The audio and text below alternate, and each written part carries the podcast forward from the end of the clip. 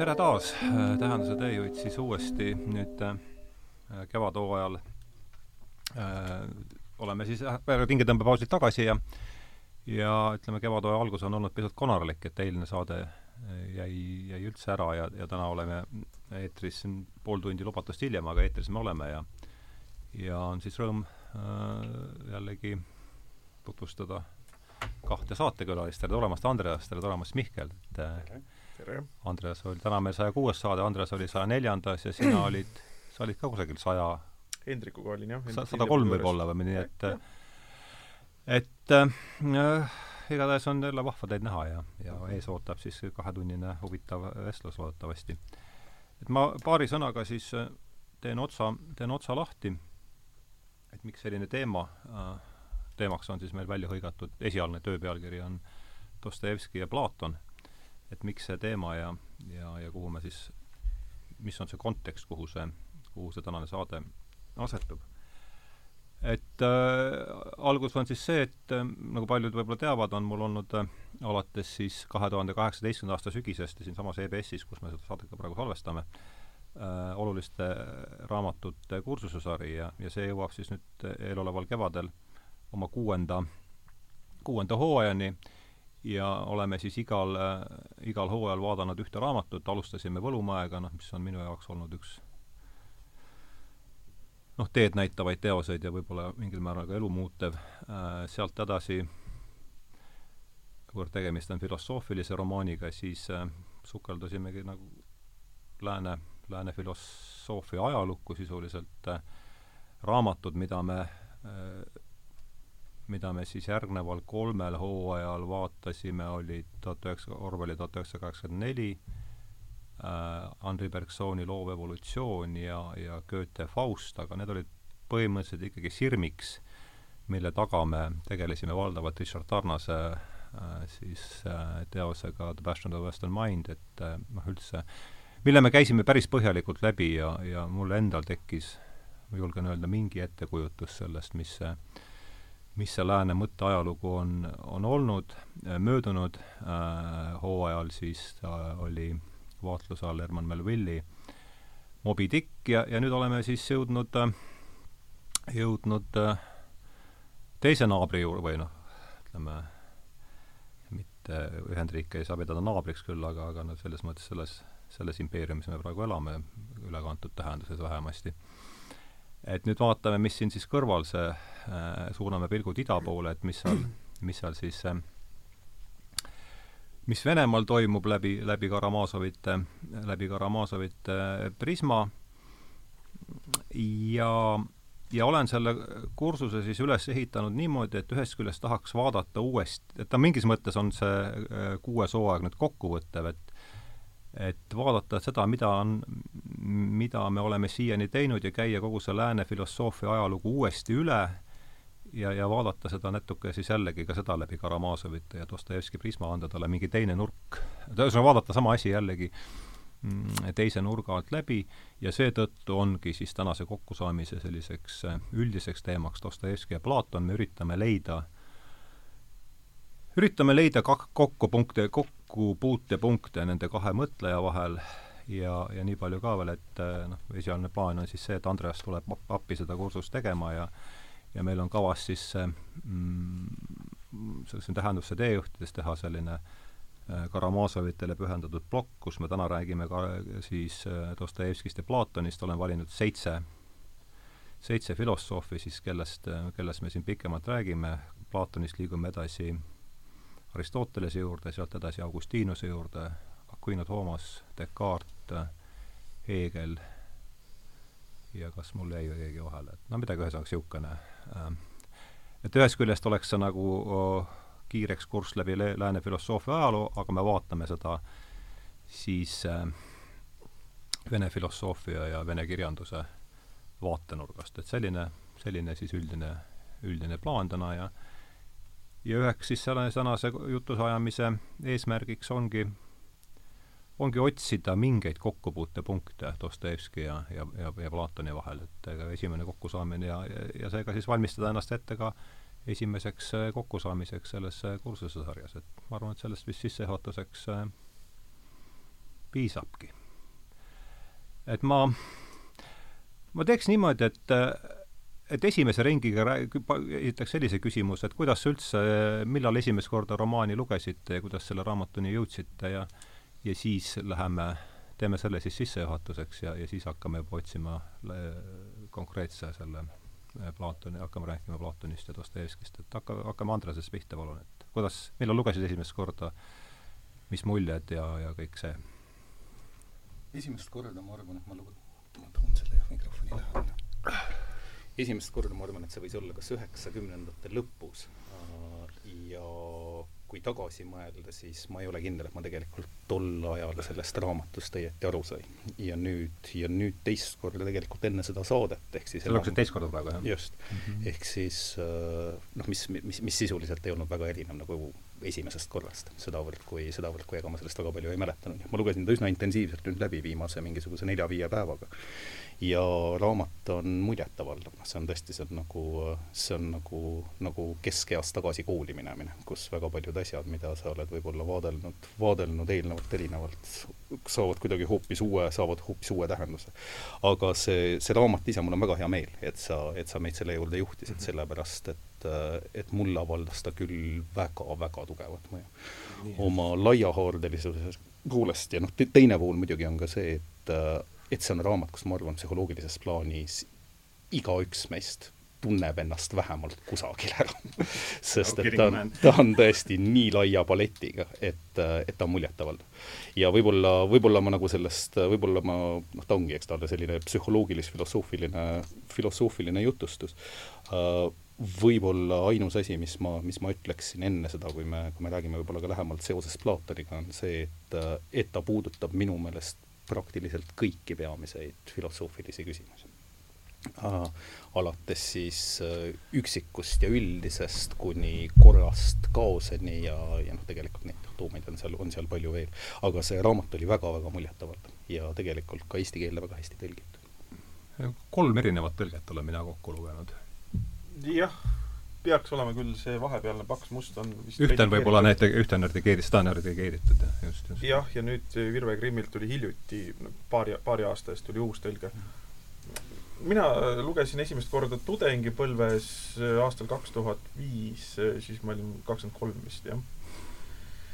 ja ma lugesin siis kõik Dostojevski teosed läbi väga palavikuliselt ja pinevalt, sest siis oli juhuslikult Äh, Peeter Torop pidas loengu idioodist ja see oli magistrikursuse loeng, kus terve loengukursus oli ühele raamatule ja see mm. oli Idioot.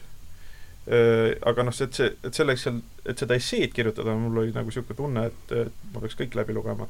ja ma tahtsin, see oli nagu tõesti, tõesti huviga ja innuga. sest see andis rohkem kui väga paljud niisugust muud igasugust teore-, teoreetilisi ainetunde, mis meil seal oli, sest noh, liha, liha on luudel ikka sellel, sellel tüübil.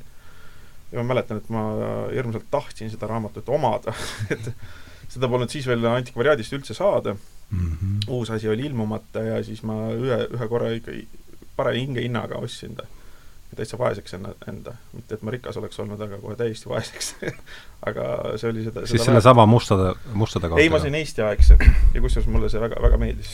noh, meeldib, kui ei ole kriitpaberil ja niisugused asjad mm. -hmm. aga noh, see, mul on väga hea meel, et ka Virve Grimm uue tõlke tegi. et see annab, see annab üht-teist juurde ja ma juhiksin ka tähelepanu sellele, et sa küsisid väga, väga elitaarselt ja õigelt, et kuna sa esimest korda lugesid mm -hmm. külalistelt, et see on nagu elementaarne, et seda mitu korda loetud. igal no, kuna sa ise esimest korda lugesid ja mitu korda. jaa, mina lugesin esimest korda, uh, kui ma olin USA-s siis oma seal no siis, kui ma hakkasin üldse lugema, et, ähm, et kui ma olin Võlumäe lõpetanud Võlumäe lõpetanud, Võlumäge ma lugesin just siis, kui ma USA läksin doktoriõppi siis oli juba selge, et nendest tänu Võlumäele jäid need doktoriõpingud juba, lõppesid enne, kui nad said õigesti alata. ja, ja ma arvan, et siis ja ma lugesin jah, siis üheksakümmend kaheksa, üheksakümmend üheksa lugesin ta esimest korda läbi. Äh, ja siis olen ma teda lugenud veel kaks korda ja, ja nüüd on ta mul neljandat korda, need ülejäänud kaks korda olid ega väga keerulist, tegelikult selles mõttes on see jah, minu elus olnud äh, väga ainulaadne raamat, et ma olen teda kolm korda lugenud ja kaks, kaks järgmist korda ikka väga keerulistel aegadel oma, oma, oma, oma elus. et äh, tahtsin detailidesse minna, aga ükskord oli jah, see on, see kuidagi puht instinktiivselt tuli käsi äh, sirutus ühel hommikul pärast hurmavat palliööd selle vähemalt instinkt ei võtnud selle, selle raamatu järele, et keha võib vahel olla targem kui mõistus. no nii oligi täpselt ja nagu silma, ma mäletan, ma tegin silmad lahti ja ma haarasin kõrvalt selle, selle, sellesama, sellesama teose, just selle, mida Andre, mis seal Andreas, ole hea, tõsta laua peale, et see võib näha, et näha ka, et mis on. lugesin just seda, jah ja jah, et see niisugune oli siis minu, minu tee selle raamatuni, praegu ta on siis nüüd seoses selle kursusega on ta mul neljandat korda ees, et olen seal esimese, esim-, ma ei ole veel selle suure inkvisiitori peatükini jõudnud, kusagil, kusagil seal ma, kusagil seal ma praegu olen, et eeloleval nädalavahetusel tahaks ta nüüd väga lõpuni läbi lugeda. no nii, algusring on tehtud, aga läheme siis äh, läheme siis sellesama, hakkame otsima seda paralleeli Platoniga ja, ja noh, ma rääkisin just ju alguses, et miks, miks see mind huvitab ja ja kes tahab alustada, et mis oleks esi-, üritaks leida mingite punktideni, mida me siis saaksime juba, millele me saaks siis juba kahe nädala pärast, kui me esimest korda sellel kursusel kokku saame, natukene keskenduda, et ma võin võtta, võtta paar punkti, sest kui sa esimest korda ütlesid mulle, et võta, võta, võta praegu üks ja siis äh, ah, okay, võta, võta, noh, selles mõttes, et jaa, jaa. et, et kui ma esimest korda kuulsin, et sa tahad teha saadet Dostojevski ja Platon, siis ma mõtlesin, et nagu mi, mida kuradit, et nagu Sidrun ja Ferrari, et mida me seal hakkame väga võrdlema mm. -hmm sest äh, Dostojevski tundub mulle paljudes kohtades nagu rõhutatult antifilosoofiline, vaid, või niisuguse kitsa piiritletud mõtlemise pidevat läbikukkumist demonstreeriv mm. -hmm. Noh, näiteks Heegeli kohta on äh, poetanud Dostojevski niisuguse mürgise ja väga ammendava märkuse, et see saksa lutikas tahtis kõike filosoofia pinnal lahendada mm. -hmm. punkt. eks sellega -hmm. nagu jäägitu hukkamõiste antud, et täiesti ka kasutu, kasutu eksitee. ja, ja teine asi, mida minu arust Dostojevski puhul selgelt saab välja tuua, et ta on antitotalitarist. et Von Wright ütleb ka, et ta oli Vene revolutsiooni prohvet, ta nägi ette seda Vene revolutsiooni ja mitte seda nii-öelda hurraa ja hõisates, vaid ta pidas seda teatud tendentsi miinusmärgiga rekordiks. nägi, et paratamatult Venemaa on suundumas revolutsiooni teed, siit tulevad hirm-, hirmsad asjad, mis siit välja tulevad, sest hääle, häälestus on selline ja ta oli noh, oma ringkondades oli ta kuri geenius, reaktsionäär, eks, ta oli, ta oli antirevolutsionäär mingi, väga paljudes mõtetes. ja oma loomult ja meelelaadilt on ta antitotalitarist, väga sügav antitotalitarist. ja kui nüüd vaatame Popperi, Karl Raimond Popperi avatud ühiskonda tema vaenlasi, siis Karl ikka. kuidas? Karl. aa Karl, mõtlesin midagi muud, okei okay, jah. Mhm. Karl Raimond Popperi Raimond on Valgre okei, äh, jah Karl Raimond Popper, seal on vahepeal oh, Popper, Popper, avatud ühiskond ja tema vaenlased. eks siis Popper ju ehitabki oma suure teose väga veenvalt sellele üles, et totalitaristlikud instinktid tulenevad Platonist. et mm -hmm. Platon on mingis mõttes esi, esitotalitarist oma oma katsetega või ideedega korraldada ühiskonnaelu mõistuslikult mõistuspäraselt, et totalitaarsus on mõistuse totalitaarsus. keegi peab, leiab mingi plaani, arvab, et see plaan on täiuslik, ainus häda on see, kuidas lolle veenda mm, -hmm. ja siis tulebki see õnnelik plaan püsti panna mm. -hmm. ja selle vastu tõstab ta mässu juba minu arust vist üldse kõige vängem raamat, mida ma tean, on see vihikuke ülestähendusi põrandalt. Sest see on nii väike, aga see on nii vänge ja seal ta juba purustab siis seda rats-, ratsionaalset valgustuslikku ideaali. et öö, on, on näiteks täiesti loomulik, et ma tahan elada just selleks, et rahuldada kõiki oma elupotentse, aga mitte selleks, et rahuldada ainuüksi oma mõistuslikke potentse. mis on kõigest kahekümnendik mu elupotentsidest. no ta on, ütleb, et noh, mõistus on väike osa elust, ütleb ainult üks kahekümnendik, aga Platon, kellega me oleme arm-, harjunud äh, samastama filosoofiat kui sellist ja minu arust see on üsna täpne mõiste ja tarkuse armastus. eks nad, nad on inimesed, kes armastavad tarkust. E, ja armastust võib võtta siin äh, irratsionaalse lembimisena, hullumiseni, kirgmõistuse vastu üle mõistlikkuse piiri, võiks isegi öelda. ja Platon sobib selle sümbolkujuks hästi küll, aga Dostojevski ütleb korduvalt, et noh, mõistusel on väike roll ja tead, temal on nagu öeldud, eks ju, et äh, südamel on teed, mida mõistus ei tunne see on Dostojevski tsitaat? see on Dostojevski, jah mm. -hmm. südamel on teed, mida mõistes ei tunne. jah. no seda on ka Pascal öelnud, ma ei tea, no keda ta väga kõrgelt hin-, hindas, aga ma ei tea, kuidas see tsitaadi vahekord seal on. aga jah. ühesõnaga, mulle oli see üllatuslik, sest äh, Platon kehastab mulle nagu filosoofi arhetüüpi, aga Dostojevski on äh, filosoofia tühistaja või selle õige väärilise koha kättenäitaja jah, aga me võime vabalt neid ka vastandada, me ei pea nüüd äh, jaa, ja, ja veel, veel üks huvitav näide, näiteks Spengler, kes, kes muuseas õppis ära vene keele, et Dostojevskit originaalis lugeda, on äh, on ju, on ju ka öelnud, et äh, intellektuaalidel ja vaimuinimestel on üldse komme pidada ennast ajaloo eesliinil marssijateks, mitte järelsörkijateks, üleskirjutajateks mm. -hmm. et äh, Spengler on mingis mõttes veel antifilosoofilisem mm -hmm. ja, minu arust nagu see on äh, ka kasvab kenasti lahku kuidagi. et, et minu jaoks oli see kõrvutus üllatav. kas ta selles Õhtumaa allakäigus tsiteerib Dostojevskit ka või äh, viitab talle, jaa, jaa, palju viitab, jah mm. -hmm. Et noh, Dostojevskis need revolutsiooni ideed ja igasugused noh, ühiskondlikud tähelepanekud, sest no Dostojevskil oli ju niisugune sotsioloogiline kraadiklaas väga tundlik. Andreas jaa, ma isegi ei oska tegelikult kusagilt alustada, võib-olla, võib-olla reageerides kõigepealt sellele, mis Mihkel ütles, mina lugesin seda raamatut natuke teise nurga alt, selles mõttes, et Platonit, Platonit ja tema sellist äh, harmoonilist süsteemiehitust on tegelikult päris, päris tihti peetud nagu nii-öelda totalitarismi, eriti kahekümnendal sajandil, kuidagi nagu teejuhiks või juhatajaks aga mina lugesin seda raamatut pigem läbi psühholoogilise prisma. ehk siis mitte läbi selle nii-öelda ühiskondliku terviku, vaid pigem läbi nende samade individuaalsete karakterite ja võib-olla läbi, läbi nagu inimese psühholoogia. sest et, sest et selles on, noh, nagu Mihkel ka ütleb, eks on, minu jaoks on tegelikult selle raamatu väärtus on nende, on nende erinevate karakterite keerukus ja kuigi seda Dostojevskil on kriitikud vist päris palju tegelikult äh, ette heitnud.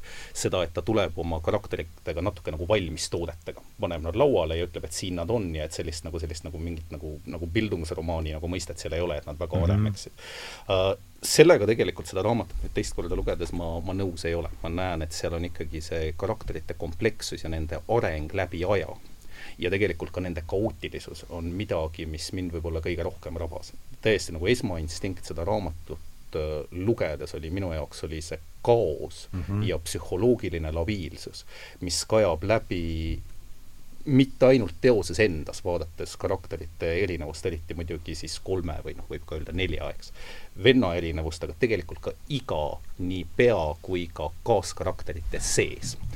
sellepärast, et, sellepärast, et olgu seal tegu, tegu Mitja või Vanni või, või Katja või Kruškaga, nad on suutelised arvama kell üksteist ühte asja ja kell üksteist kolmkümmend mingitel ajenditel täiesti teistsugust, nii et mina vaatasin seda pigem kui sellist kaootilist romaani. Uh,. ja seal muidugi noh, need paralleelid Platoniga on aeg oli hoopis teine, eks. Uh, see on võib-olla esimene asi.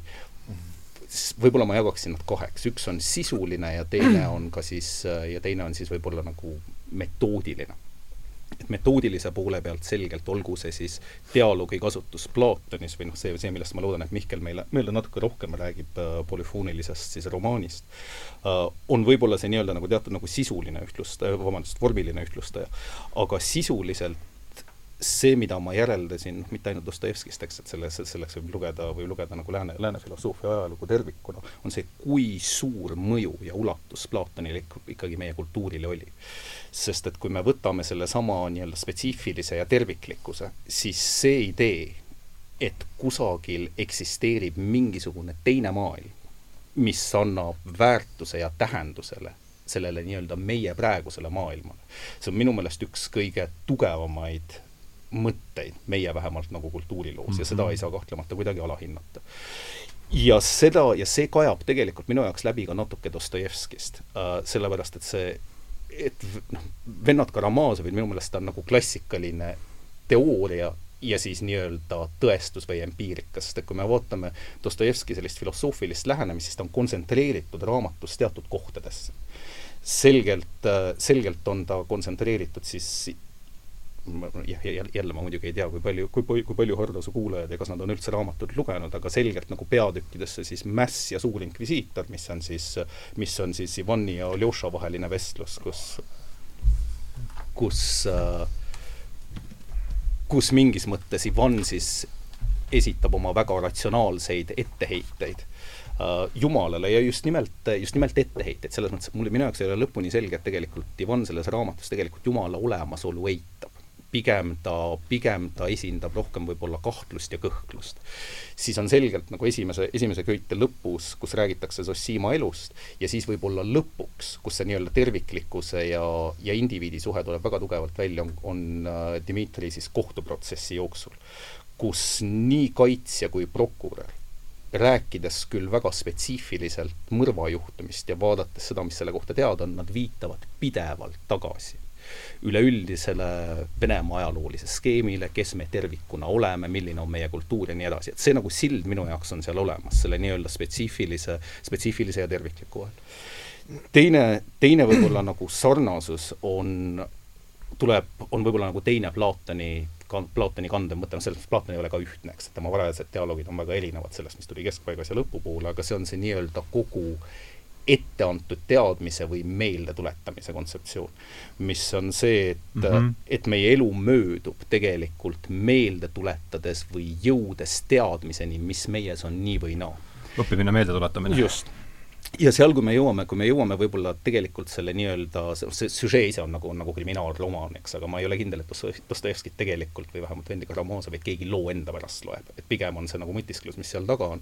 aga see, mida ma selle meeldetuletamise koha pealt, see, kuhu ma tahtsin jõuda, on see, et ühest küljest Dostojevski püüab oma konservatiivsuses äh, näidata teaduse ohtu, sellepärast et Mhm. Smerdjakov, kes siis lõpuks, kes siis lõpuks oma, oma noh, võib-olla siis isa, eks, ära tapab, kajastab minu jaoks võib-olla sellist poolikut haritust, kes on saanud pähe idee, et nüüd on kõik lubatud, kuna Jumal, noh, kui ei ole surnud, siis vähemalt ei ole tema, ei ole teda olemas. ja ta näitab seda, ta näitab tegelikult mingis mõttes nagu Karamazovi jaoks, vabandust, mitte Karamazovi, aga Dostojevski jaoks teaduse ohtu. mis juhtub siis, kui teatud ideed jõuavad võib-olla ebaküpsesse läbimõeldusesse või aiu?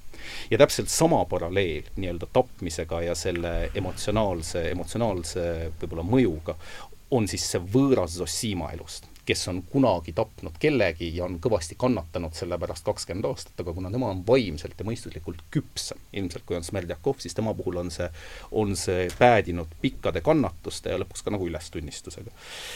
aga see, kuhu ma tahan selle meeldetuletamise osas jõuda, on see, et tulemus on see, et selle nii-öelda tapmisega seotu põhjustab ühel kannatusi ja teisel lõpuks siis suitsiidi või enesetapu. ja see nii-öelda omandatud või juba see, mingis mõttes jõuab nagu inimese loomuse juurde tagasi, kas seesama tapmine seotuna sellega, kuidas me tõlgendame iseennast ja mis on see meile nii-öelda kaasa antud teadmine, kas ta on nii ebaloomulik meile, et ühel hetkel meie olemus hakkab karjuma millegi vastu, mida me oleme teadnud, kogu aeg sünnist saati peaaegu nagu loomusega kaasa saanud, mis on siis erinevate nii-öelda mõtteliste tendentside poolt ära rikutud ja viib meid lõpuks ringiga kannatusi, kannatusteni. ma ei tea, kas ma olen väga selge siin. no ürit-, ma arvan, et ma saan et see on siis nagu võib-olla teine asi, et noh, ma lihtsalt vaatan, et mis, mis, mis see nagu Platoni selline nagu väga, väga klassikaliselt, mis ta teesid siis on, eks on selgelt on nagu nende kahe erineva maailma või siis vormide ja reaalmaailma olemasolu, teine on siis see meeldetuletuslik aspekt, kolmas on kindlasti terviku ja indiviidi suhe, kus minu meelest nad lähenevad samale küsimusele kahe väga erineva nurga alt uh,. Dostojevski, nii nagu Mihkel ütleb, läheneb sellele hästi antifilosoofiliselt, ma peaaegu et ütleksin nii-öelda alt üles. ta võtab oma karakterid, ta seletab, ta seletab nad lahti või püüab nad lahti seletada ja läbi selle ta püüdleb mingi terviku poole.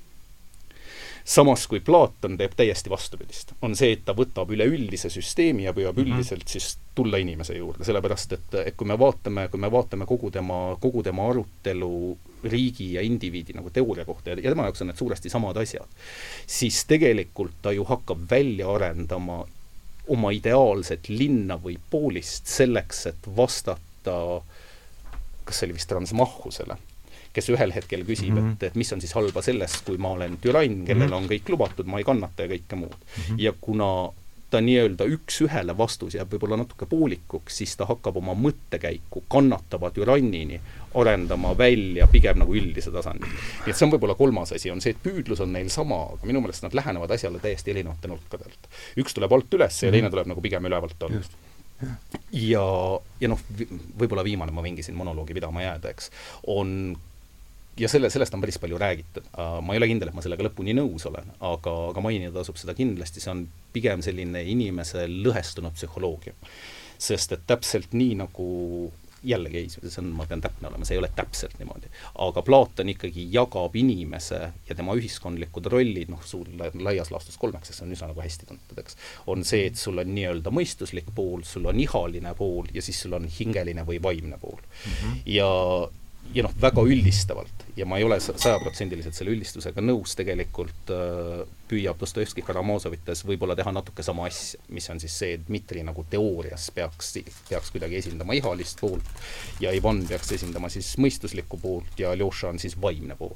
Äh, see ei ole, see päris paika ei pea, sellepärast et see vaimsus, millest räägib Platon, ei ole minu meelest täpselt seesama, mis ta on nagu Aljoša puhul, aga vähemalt kui me nagu pealiskaudseid sarnasusi otsime, siis see võib-olla minu jaoks oleks nii-öelda neljas või viies. kuule, aga siin ma lõpetan, sellepärast et et see on paratamatult, eks üks on see üldistuse tasemel, see, mis ma teen, ja teiseks, ja teiseks nende lõppkokkuvõte ikkagi on väga-väga erinev, nad püüdlevad sama asja poole, aga nad jõuavad sinna väga erinevat teed pidi ja minu jaoks eelkõige tegelikult nagu võib-olla filosoofilises plaanis on siis Karamaažovit püüavad ühel, ühildada kuidagi religioosset ja teaduslikku maailma mm, -hmm. eks see, millega me oleme siin tegelenud, tegelenud Just. nagu valgustusajastust saadik. ja võib-olla selle koha pealt kõige võib-olla emotsionaalsem või kõige nagu sellisel tundlikum hetk on päris raamatu alguses, kus kus Karamaažovid on kogunenud Zosima juurde selleks, et oma mingisuguseid varaasju klaarida, aga kus Ivan räägib oma, räägib tegelikult enda kogemusest ja sellest, kuidas ühel hetkel peaks riigist saama kirik või õigemini, riik peaks tõusma kiriku kõrgusele. ja kus seal on, kas paaril real on, on selline väga omapärane äratundmishetk Zosima ja Ivani vahel, mis on ääretult, noh, ta on üsna õrn. Nad arutavad seda mingi Ivani artiklit seal, eks, kui ma õigesti mäletan. just täpselt, millesse mm -hmm. Ivan noh, tingimata ise ei uskunud, eks, nagu, aga, aga ma ei ole kindel, et ta lõpuni ise ei uskunud selles mm, -hmm. sellesse, aga see on, aga see on see üks hetk selles raamatus, kus mul on tunne, et peaaegu nagu tundeliselt Dostojevski nagu saavutab selle ühtsuse äh, siis teaduse ja, teaduse ja religiooni vahel aga see on minu jaoks selle raamatu tegelikult nagu kandev mõte, on just ühendada neid samamoodi tervikusse, aga hoopis teist teed pidi, kui seda teeb Platon mm. -hmm. aga kuule, siin ma tõesti lõpetan, sellepärast et äh... ma koogutaks takka paari asjaga, see, mis puudutab, et õppimine on äh, meenutamine, siis äh, see meenutamine, et kust tuleb unustus, sest Dostojevskil tuleb tihti unustus äh, mõistuse kaudu.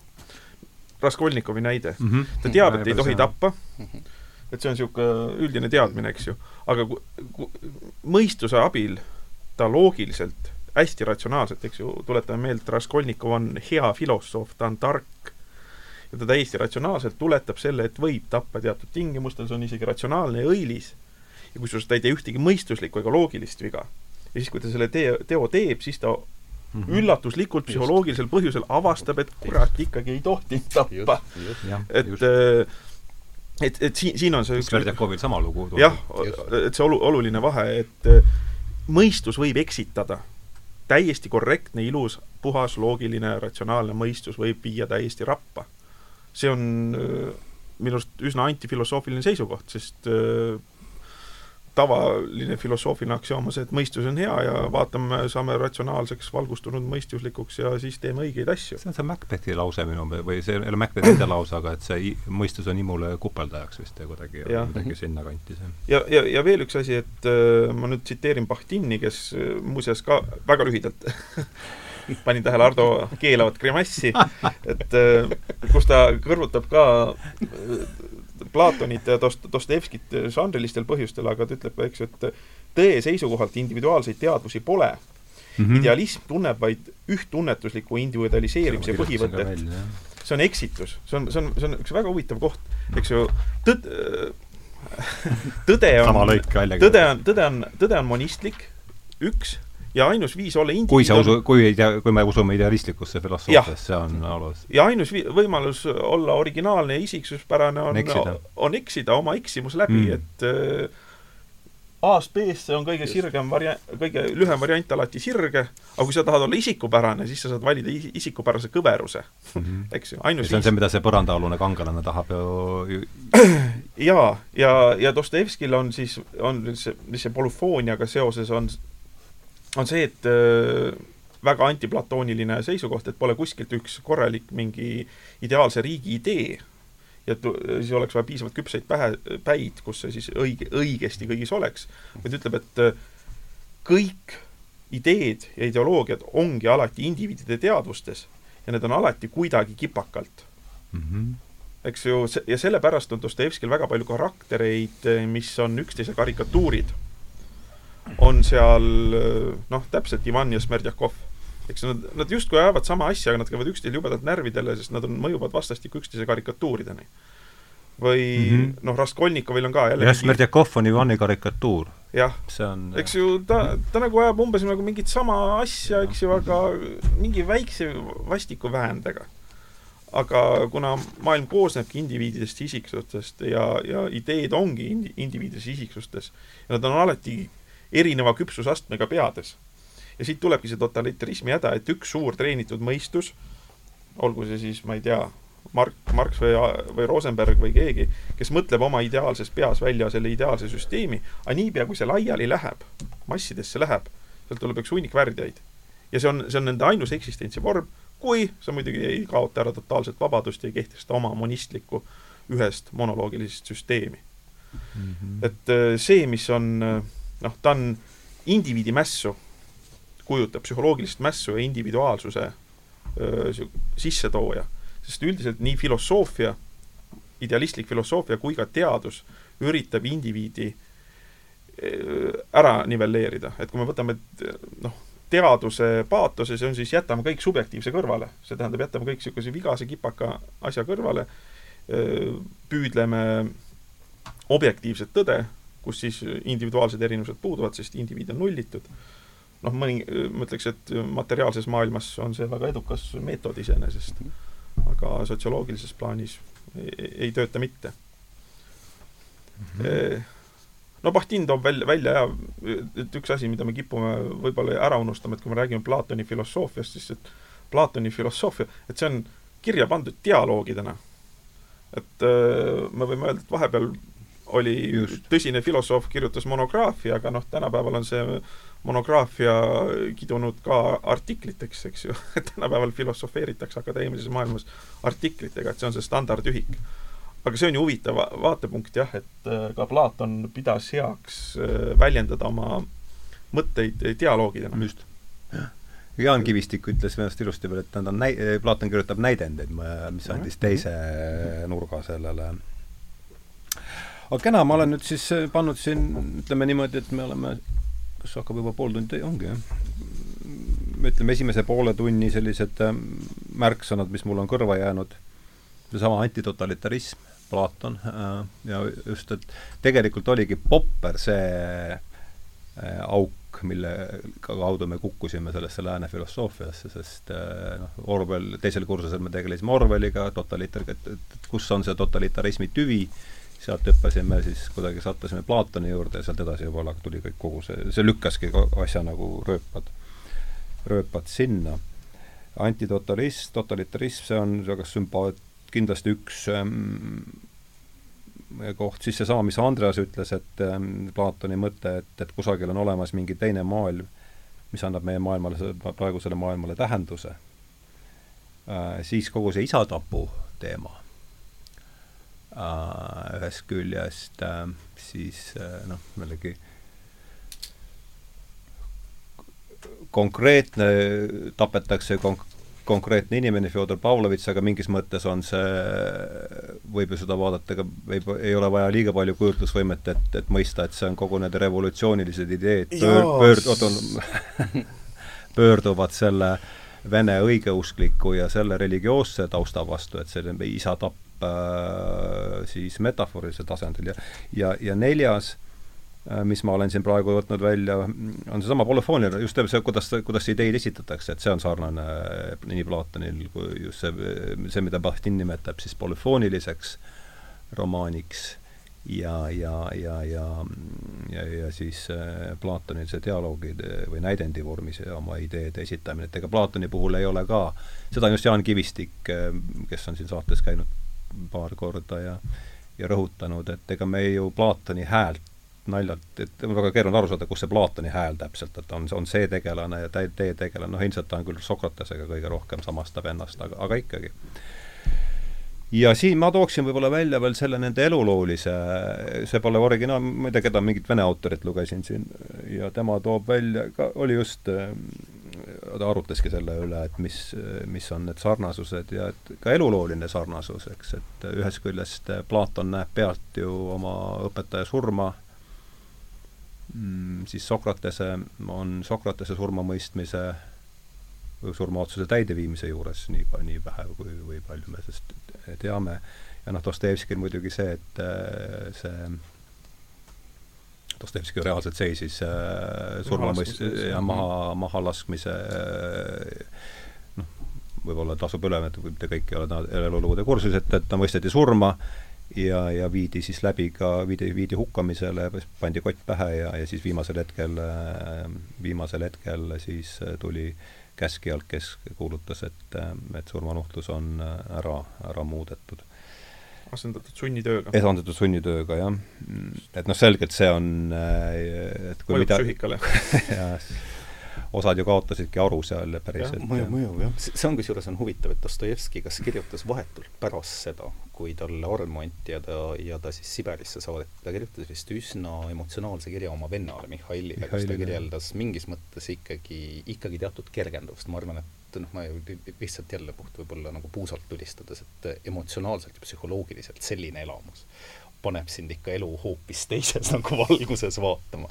aga see, mis ta kirjast välja kajas, välja tuli, ei olnud pigem kide, kibestumus, oli pigem see, et, et mul on nüüd elu, mul on elul teine mõte ja ta pigem oli ikkagi vist nagu rõõmus selle üle, mis näitab teatud vastupidavust, ütleme niimoodi et, et enamik inimesi sellises olukorras ilmselt oleks, oleks psühholoogiliselt varisenud. aga osa see varis, osad, üks, osad kaot-, jah.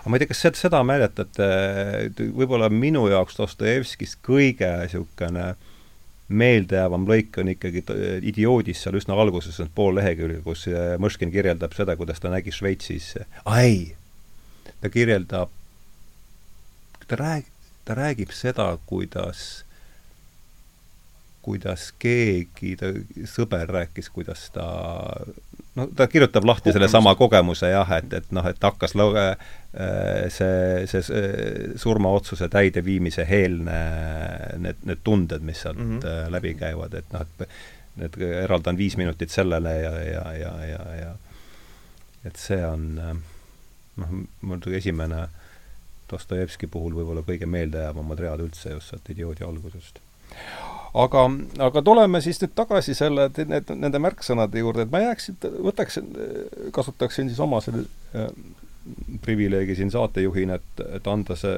anda see pööre siit äh, teile ette, et äh, seesama Andrase mõte, et, et kusagil on olemas mingi teine maailm, mis annab tähenduse meie praegusele maailmale, noh see veel kord noh, see on mitu korda läbi käinud mõte ka nendest saadetest, et Whiteheadi tsitaat, et et et kogu lääne filosoofia on ääremärkused Platonile, et noh, see on keskne meie kultuuri üks keskseid, keskseid seisukohti, ma kujutan ette. ja, ja romaanis, ma arvan, ta, kui me otsime siin seal sidet äh, romaaniga, et siis see esimene koht, mis mul tuleb ikkagi pähe, on on, see on minu meelest ka seal alguses kohe Sossimaga, eks, kus Ivan ütleb, et kui, kui tulevast elu ei ole, siis on kõik, siis on kõik lubatud ja on see vist, ma nüüd see on korduv motiiv. see on kord-, see on kogu ta, see on, see on kogu ta loomingus korduv motiiv, aga aga arutaksime selle üle, et mida sa, kuidas sina seda, kuidas sina sellest, kuidas sa sellest aru saad? veel kord, et kui, kui, kui, kui sul, kui surmajärgset elu ei ole, siis on kõik lubatud ja, ja mis see, mida see võiks noh, seda tähendada? selgelt, selgelt saab seda arutada oluliselt pikemalt kui antud, antud saates ette antud no. aeg, see on väga, see on väga selline nagu psühholoogilis-moraalne vaateviis sellele asjale uh,. mina tõlgendan seda puht, puhtisiklikult võib-olla ma tõlgendan seda läbi lootuse prisma mm. -hmm Äh, sellepärast et et surematuse, ma ei ole kindel, mis on surematus, kas surematusel on väärtus iseenesest. Tegelikult pigem ta ikkagi viib meid sellise nagu tempora-, temporaalse dimensiooni juurde, kus sul on minevik, olevik, tulevik, eks ju, kuidas nad omavahel läbi põimuvad. aga mulle tuleb alati meelde, kas see on vist äh, Javier Mariase üks romaan, kus ta kirjut-, kirjut-, kirjeldab ühte ülikooli professorit, kes seal kuuekümnendate lõpus äh, või enda elu siis kuuekümnendate aastate lõpus äh, ta vist haigestub vähki ja ta saab teada, et ta sureb üsna peatselt ära. Ja siis see tema diskussioon ühe oma kolleegiga, kus ta ütleb, et ta ei karda, ta tegelikult ei karda surma, ta ei karda ka midagi muud, aga see, mis teda kõige rohkem muserdab, on see lootusetus, mis sellega kaasneb, see, et edasi enam midagi ei olegi. Ja see on, see on nagu võib-olla see psühholoogiline dimensioon, mis ma, ma, mina lühidalt ma, ma kuidagi seostaksin selle otseselt lootuse, lootuse, lootuse mõistega. Teisest küljest, eks ta on tänapäeval, on ta, on ta väga kuidagi nagu oluline küsimus meie kõigi jaoks. sellepärast, et äh, religiooni roll maailmas selgelt ei ole see, mis ta oli, mis ta oli aastasadu ja tuhandeid tagasi, mistõttu ja siin me tuleme natuke tagasi, tagasi Platoni juurde, on see, et kas ühel hetkel see nii-öelda inimnäoline moraalsus on kuidagi võimeline asendama seda, mis minevikus oli jumalik autoriteet. ja siin me, noh, siin põimuvad need mõtted omavahel läbi, sest et siis seal tekib küsimus Jumala loomusest, ütleme siis õiguslikul Venemaal ja, ja Platonil on natuke erinevad asjad. ja teisest küljest ka autoriteedi küsimus sellepärast, et kui me vaatame näiteks Platoni demokraatia kriitikat, siis tema kritiseerib demokraatlikku valitsusvormi eelkõige tänu sellele, et ta arvab, et kaob ära igasugune usk autoriteeti ja kõik hakkavad ka kõige väiksema ettekirjutuse peale võbisema, ehk nad ei soovi midagi teha ja seal tekib see küsimus, kas kusagilt mujalt, väljaspool inimest tulev autoriteet on inimestele vajalik selleks, et kuidagi hoida, hoida koos seda, seda korda, mis meil on. aga võib-olla siin on vaadates, vaadates nagu tähendab, see, see jumaluse ja see, et kõik on lubatud, see on natuke erinev kreeklastel ja, kreeklastel ja võib-olla siis nagu hilisemal, üheksateistkümnenda sajandi Venemaal kristlusel. et uh, kui ühes on Jumal, on pigem looja ja mingis mõttes kõiksus, siis Platoni jaoks on Jumal pigem arhitekt ta ei mm -hmm. ole demiurg. ta ei ole, just, ta ei ole kõiksus mm. -hmm. ja talle on ette antud vormid ja ta paneb neid kokku aga tal ei ole nii üleüldist rolli, nagu ta on ikkagi, nagu ta on ikkagi kristluses. ja seal võib-olla noh, tuleb, me tuleme ka ajastu juurde tagasi, et see, mis ma üha rohkem vaatan, on see, et tegelikult üheksateistkümnendal sajandil ehk tööstusrevolutsiooniga kaasnev mõttemall on teatud mõttes üsna sarnane sellele, mis ta on meie puhul äh, siis nagu infoühiskonnas mm. -hmm. see, et seal on teatud struktureeritus, teatud masinlikkus, teatud protsessid. samas samas kreeklaste jaoks see mõiste võib-olla ei olnud päris selline, nemad nagu mina pane, ma võrdleksin neid rohkem käsitöölistega mm, -hmm. kes siis võtavad olemasolevad materjalid no demiurg ongi käsitööline, just täpselt, ja kombineerivad nad kokku. ja seal on võib-olla selles nii-öelda jumala, jumala mõistes ja mõttes on, on, on teatud erinevus mm -hmm. on see, et kreeklased ilmselt ei näinud seda, sedasama, samamoodi ja sellest ka tegelikult nende ratsionaalsus ja nende mõistuslikkus, ehk see, mida siin peaks esindama Ivan, on natuke teistsugune. sellepärast, et ta ei ole selline masi-, masinlik, külm, matemaatiline, kalkuleeriv, nagu, nagu väga selgelt seal vist ühe tõendi puhul uh, ühe asitõendi puhul, kas see oli, kas see oli vist Dmitri kiri, kiri Katjale, seda Dostojevski võrdleb seda pidevalt matemaatilise tõendusega, kuna mm -hmm. ta mhm. tundub olema nii mustvalge, siis kreeklaste jaoks see ratsionaalsus ja mõistus oli, võib-olla oli ta pigem nagu hea elu saavutamiseks vajaline, kas vist eudemoonia oli selle asja nimi, tasakaal ja sihtide saavutamine. ehk tegelikult, kuidas sa siis kohandad olemasolevaid vahendeid selleks, et saavutada oma mingisugused eesmärgid Äh, ja jällegi, ma väga nagu suure ringiga tulles selle juurde tagasi, on see, et äh, väga, väga, väga nagu lühidalt öeldes me jõuame siin väga, väga lihtsa nagu riigiteoreetilise küsimuse juurde, mis on see, et kui sa võtad ära kõrgema autoriteedi, mis tuleb kohast, mida inimesed austavad, sellepärast et see ei ole nendega sarnane või nad ei tunne selles ära iseennast, ehk siis teisi inimesi, kas selle autoriteedi võimekus tegelikult tagada korda ja harmooniat Äh, saab kunagi olla samaväärne millegagi, mis tuleb väljaspoolt ja mida inimesed peavad endast kõrgemaks, et see on nagu minu jaoks on selle asja nagu põhituum mm. -hmm. Mm -hmm. ja siin ma lõpetan ka, sest et jällegi see on üsna pikk teema, kui ma, ma vastaks sellele samale küsimusele, eks ju, tees on siis see, et äh, kui inimene ei usu surematusesse, siis moraal laguneb koost.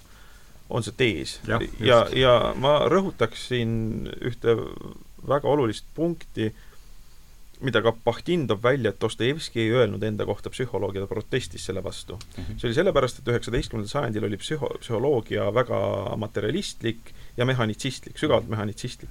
Dostojevski ütles, et ta on realist kõrgemas mõttes. ja kui ma tõlgiksin selle nüüd võib-olla niisugusesse peenemasse või moekamasse keelde, siis võib öelda, et Dostojevski oli psühhofenomenoloog Mm -hmm. ja see, mida rõhutab ka Pahtin, ütles, et temal oli erakordne võime näha teiste inimeste teadvust ja teadvuse sisu seda noh, siis ette kujutada empaatiliselt eh, ja, ja seda näha. ja, ja siin ma ütleksin niimoodi, et äh, mõistus on see, mis vahel mässab meie kehalise tarkuse vastu, aga oma kehalisel tasemel inimesed, enamik inimesi, täiesti valdav osa enamik inimesi de facto ei usu oma surelikkust on, on äh, minu nagu süg-, süg-, sügav äratundmine. noh, hea näide on see, et kui inimene saab surmahaigusest tead-, teadlikuks, siis hüppeliselt kasvab tema surelikkuse teadvus ja sellepärast on ta šokis. aga kui me ütleme, et jah, ma olen surelik, no muidugi ma olen surelik, ma tean ka, et ma olen surelik, et igaüks ütleb välja mõistuslikul tasandil selle mm -hmm. lause, jaa, ma olen surelik. Aga just sellepärast, et kui ta saab hüppeliselt teadlikumaks oma surelikkusest, näiteks püssitoru ees nagu Dostojevski mm, -hmm. või näiteks Tammsaare, kui arst ütles talle, et operatsiooni õnnestumise tõenäosus on kolm protsenti, eks ju, et siis, siis inimeses toimub mingi hüpe või kui ta praegune aeg on muidugi suurepärane, koroona, kõik tundub plahvatuslikult teadlikumaks saavad Just. oma surelikkusest ja tundub, et moraal hakkab lagunema ka igatpidi ja igasugused äh, pahad haisud äh, hõljuvad igal pool välja. aga normaalne inimene ei usu seda.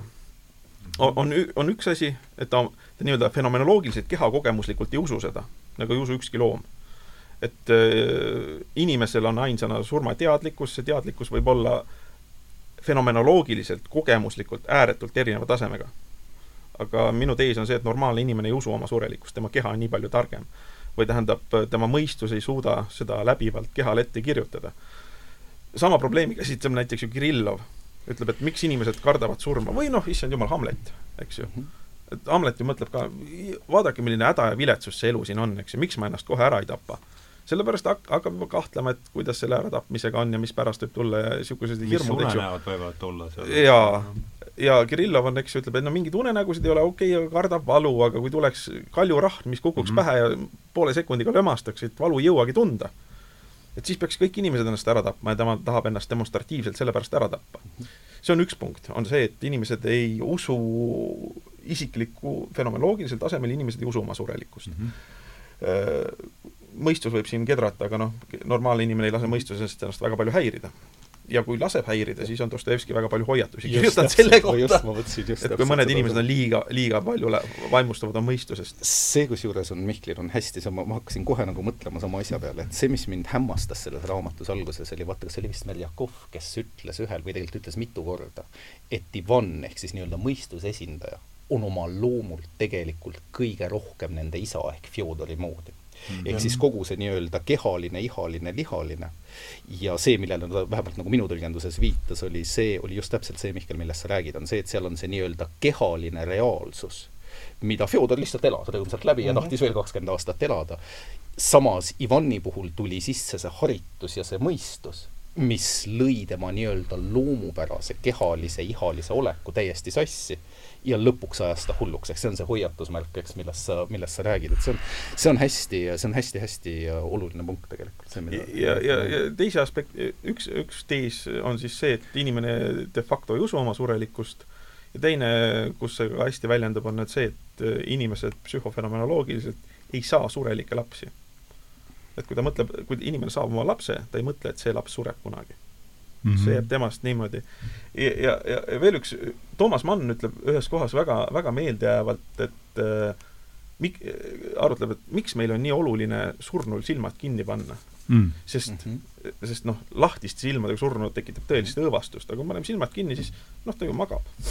ta läheb igavesele unele, et see on mm -hmm. väga sügav, väga sügav öö, psühholoogiline metafoor. me kujutleme surma igavese unena, eriti kui me oleme vanad, väsinud ja haiged siis tundub magamine päris hea lahendus iseenesest. ja, ja, ja kui hakkab nagu liiga varajane, saame surmahaigusest teada liiga varajaselt, siis Uku Masing on öelnud ka, et üks normaalne hea tervisega inimene ei karda surma, vaid ta kardab, et ta ei jõua oma asju tehtud. et tal on mingid missioonid, asjakesed elus ja siis ta lihtsalt kardab, et ta ei jõua oma asju ära teha mm. -hmm. et meie kogemuslik eh, tarkus või psühholoogia on, on selline mm. -hmm see on, jah ja sellepärast normaalsed inimesed on, on, ongi moraalsed ja, ja, ja ma saan aru täiesti niisuguste sõjakate, raevukate ateistide äh, vastuväidetest sellele, et kuidas nüüd ilma Jumalata ei ole moraali, et me oleme ateistid ja me oleme väga moraalsed. ja ka Ivan on väga moraalne, eks ju, mhm. miks ta tõrjub selle maailma tagasi, ütleb, et ükski kuradi eukleidiline mõistus ei lahenda ära probleemi, mis on laste pisarad, eks ju mm. -hmm. mingi ta toob seal väga jõhkraid näiteid maailmast, ütleb, et ma, ma ei võta seda omaks, eks ju. ta kaastunne on väga sügav, ta on hea inimene. see, selle, see, selles mõttes ja selle jaoks meil ei ole vaja mingit jumala kontseptsiooni või mõistet, eks ju, sest see on meie kehas sees. mida muuseas ütleb ju ka Jung, et noh, et, et me avastame oma väärtusi, et me ei saa neid luua, aga me saame neid avastada ja mida no, see on väga platonistlik mõte. see on, see on üks ja. asi, mis on huvitav tegelikult ka läbi selle, ka läbi nende Karamazovite, on see, et see surmakäsitlus on tegelikult üllatavalt mitte egoistlik. sellepärast, et see, miks noh, jälle võib-olla täiendades seda, mida Mihkel ütleb, hirm surma eest tihtipeale on ka selles mõttes, ta on väga, ta on väga teadvuslik. mis on ja. hirm selle ees, et täna ma olen ja homme ei ole, lihtsalt tühjus, mitte midagi ja surmakäsitlus Karamazovites tegelikult, mis on iseenesest on, on üsna nagu egoistlik mõte, aga huvitav on see, et nendes karakterites tegelikult seda, seda nii-öelda egoistlikku surmakäsitlust praktiliselt ei ole. pigem seal tuleb see kõik tagasi sellesama terviklis-, terviklikkuse juurde, mis on, mis on see, et kõik on kõigi ees süüdi. ehk mm -hmm. kõik on nagu seotud, seotud ühte, noh, siin me oleme tegelikult nagu Hemingway hingekella juures otse, otse tagasi. just jah mm. -hmm jah, see surematuse teema, ma ütlen, eks see, nii täpselt see on, nagu, nagu, nagu, nagu Mihkel rääkis, et eks me noh, ka kaheksateistkümne-aastane inimene teab, et ta sureb aga ta teab seda ühtemoodi, siis, siis tekib tal tõenäoliselt kusagil kolmekümne, ma räägin nüüd see, kuidas ta minul on olnud, et kusagil kolmekümnenda, kolmekümnendat aasta, just Võlumäge lugedes mul tuli see teadmine. ma arvan, et Võlumägi oligi nii oluline raamat minu jaoks sellepärast, et et seda lugedes mul see teadmine, et ma suren ära ühel hetkel, noh, hüppas ikkagi jällegi õige mitu tufti ülespoole ja, ja noh, ta niimoodi liigub, on kogu aeg järjest ja kuni ühel hetkel noh, oleme seal voolikute all või kus me ka poleks ja siis ongi tagatud selliselt selles mõttes ähm, selle tõsiasjaga äh, vastamisega, sa tahad midagi vahele öelda siin? ei, ma lihtsalt jäin mõtlema selle peale, mida ütles Mihkel ja mis ütlesid ka sina, et ma ja noh, mingis mõttes tuues selle tagasi selle raamatu juurde ja, ja ea juurde. jällegi inimese arusaam surmast, Hardo, nagu sa ütled, siiski läbi aja ju muutub. et tegelikult äh, raske on ennast kujutada üheksakümne-aastase, üheksakümne-aastase kuidagi kingadesse. aga ilmselt see, kuidas sa mõtled surmast viieteistkümneaastaselt, kolmekümneaastaselt, viiekümneaastaselt, seitsmekümneaastaselt, üheksakümneaastaselt siiski muutub. no muidugi, sellest paratamatult, et see, et see nii-öelda nagu arusaam või en-, usk iseenda surematusesse ei ole läbi aja, ei ole läbi aja nagu lä läbi samade Mm. prillide vaadatud. see, mis on huvitav siin Karamazovite puhul, on see, et need tegelased on ju kõik jube noored. jaa, see on, seda on väga oluline meeles et see pidada. on äh, tuletame meelde, Ivan on kakskümmend kahe, vabandust, Dmitri on kakskümmend kaheksa, Ivan on kakskümmend neli või? kakskümmend neli vist, jah. ja. Aljoša on mingi kakskümmend isegi. kakskümmend, jah. ja siis on, ja nemad mõtisklevad tegelikult mm. kas siis läbi eluolude või sisemiselt läbi, läbi mõttelise loogika, kes läbi Zosima surma, eks, kes läbi mõistuse, kes läbi laste kannatuste, nad tegelikult ikkagi kaaluvad ja kes lihtsalt puhtast emotsioonist, eks, nagu, nagu Dmitri seda teeb, nad mõtlevad üsna sügavalt surma, surma üle. ja siis kõikide nende nii-öelda noorte, noorte puhul saabub äkki Fjodor, kes on viiskümmend viis aastat vana. ei taha midagi kuulda. ei taha mitte midagi kuulda mitte mingist surmast. kas Fjodor on viiskümmend viis või? Äh, minu meelest küll, jah. aa, minu vanu on täpselt. ja ta paneb, ja ta paneb lihtsalt edasi, ütleb, et ma olen siin elanud, elanud lõbusat ja täiesti vastutustundetut elu, eks, kogu oma elu ja ma kavatsen kakskümmend aastat sedasama teha. ja huvitav on see, kuidas, kuidas see vanuseline dimensioon on täiesti ümber pööratud, et ma oleks nagu pigem oodanud, et see, et see võib-olla teatud alandlikkus või teatud äh, iseendas surevuse tajumine oleks Fjodori ja vanemate tegelaste puhul oluliselt tugevam, kui ta on, kui ta on nooremate puhul. aga võib-olla see näitab ka seda, et, et asjade üle, mis on abstraktsed ja teoreetilised, on palju lihtsam arutada, kui asjade jaoks, mis on teine asi on, sa tõrjud selle eemale, sest no ütleme niimoodi, et äh, Fjodoril on päris kõva inerts sees No, Har- harjumusel on ka oma jõud, eks ju, ta on, ütleme, ta on väga palju harjutanud elamist ja liiderdamist. ja ta, ta on selle, selle väga hästi Ta on eks- selgeks saanud. on ekspert. ta on ekspert sellel alal, jah. ja. Ja muidugi tasub jah meeles pidada, Kunder on seda väga hästi lahanud, kuidas noorele inimesele paistab äh, su-, surm, et äh, see on tihti lausa niisugune midagi romantiline, külgetõmbav mm -hmm. nagu poeetidel see kultus ja sest, sest see on, see on miski, kust nemad saavad kiirelt, on võimalik kätte saada äh, suuruse kogemus. mm. -hmm. et äh, kus see tasa, tasases ütleb äh, peategelane, kes seal mõti-, mõtiskleb väga ägedalt, et noh, va-, vaada-, vaadake noori, eks ju, et ne- neid kohutavalt vaimustab ilu, suurus, ülevus ja sellised asjad, et noh, surma minek mingi suure üleva idee meelest, see on väga vaimustav ja kaasakutsuv mingis mõttes. aga äh, seal ta ütleb, aga see on odav, hukkuda, hüpa-, hüpata am- ambrasuurile, see on väga mugav ja odav suurus. aga tõeline suurus on see, kui näe kolmkümmend aastat vaeva mingi vähe autoova asja nimel, eks ju, mis on tegelik elu et äh, va- vaikselt nikerda, ehita, näe vaeva mingi seda, kuidas maailma paremaks teha. et see on jälle niisugune revolutsioonilise paatose tühjaks visistamine. ja see tuleb tegelikult Karamazovitest, noh, sellesama suuruse, mitte isegi surma näol, aga pigem nagu armastuse näol tuleb üsna teravalt välja, seal on üks minu jaoks väga meeldejääv fraas, mis on, ja minu meelest see on vist, oh ma ei mäleta, kas see on Zosima või see on, või see on keegi ta kaasvestlejatest, kes, kes just armastuse kohta öelgeb, et püüdke ja töötage selle nimel, et te suudate armastada püsivalt ja järjekindlalt. sellepärast, et juhuslikult võib igaüks armastada. Mhm. ja see on seesama nii-öelda see suurus läbi vaevanägemise ja püsivuse, mis äh, mis noh, toob, toob meid muidugi tänapäeva juurde, juurde väga kiiresti tagasi. jah, et inimeste suureks tema tunnete intensiivsus, vaid nende kestvus. See, noh, see on Nietzsche tsitaat, aga aga see on Nietzsche, jah? jah, aga Nietzsche õppis väga palju Dostojevskilt, et Dost-, Nietzsche, Nietzsche, kes oli hämmastav praalija, lausa, lausa kivisildniku mõõtu, aga see, see, et, et Dostojevski on üks väheseid, keda ta tõesti tunnustab. ütleb, et see on üks väheseid, kellelt ma olen õppinud. ma tahaks siit nüüd ise lugeda ühe lühikese lõigu ette, mis haakub selle noorte, selle noorte surmaga, see on mulle kuidagi jäänud sealt meelde, see on lausa teiselt leheküljelt, romaani teiselt leheküljelt.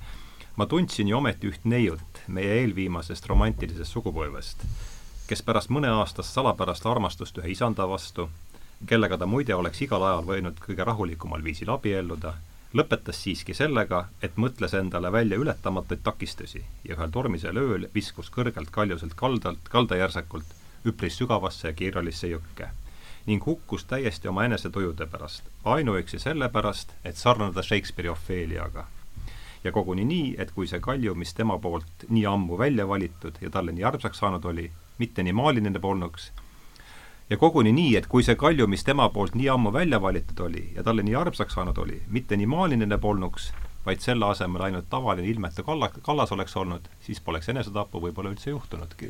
jah, esteetiline tõmme, eks ju. esteetiline tõmme, jah. täpselt nii, ja asenda, ja asendab Byron, Byronlik niisugune just mm, -hmm. asendab Relis Smerljakoviga ja, ja sa oled kohe nagu, nagu loo ühe mm. põhiteisi juures, juures tagasi mm. -hmm. jah jah, et äh, siin äh, Hamleti monoloog käis juba läbi, aga vaata, et ütleme noh, ma ei tea, kuidas teiega on, aga minuga on ikka kipub nii, et oleme, aeg-ajalt ikkagi raksatavad mingid laused sisse, mis nagu noh, sellesse udusse, roosasse udusse, kus ma elan äh,, raksatavad mingid sellised laused sisse ja mis löövad korraks valgeks. Ja üks on ikkagi üks võib-olla kõige, kõige sellised et ähm, viimastel aastatel kuuldutes võib-olla kõige olulisem on seesama mm, selles samas klipis, mis meil on äh, Sheldrake'i playlistis äh, esimesel kohal kohe, et, et kui pärast ühte loengut küsib proua, et noh, see kõik oli väga, keegi proua küsib, et see kõik oli väga kena, mis te rääkisite, aga öelge meile, mis pärast surma juhtub.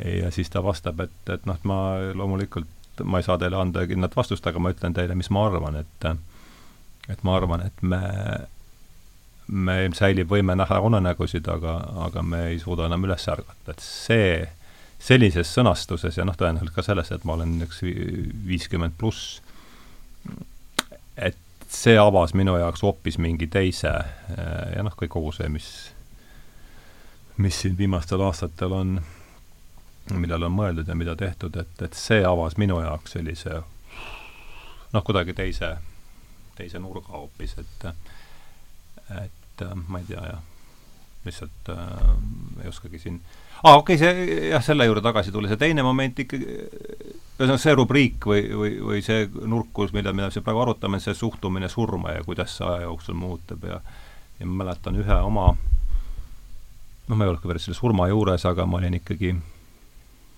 päev enne surma veel käisin, käisin haiglas ja ja, ja noh, kolm kuud kestis see kuskil, see see äraminek ja ja siis see ühel hetkel, just seesama, et niimoodi, niimoodi läheb järjest ja ma mäletan, see võis olla nädal, paar nädalat enne, et kus siis kõnealune, ma ei hakka nimesi nimetama, aga et noh, et ütles, et jah, see, see siin on surivoodi ja et noh, nii see, nii see välja näebki, et, et noh, see jällegi see,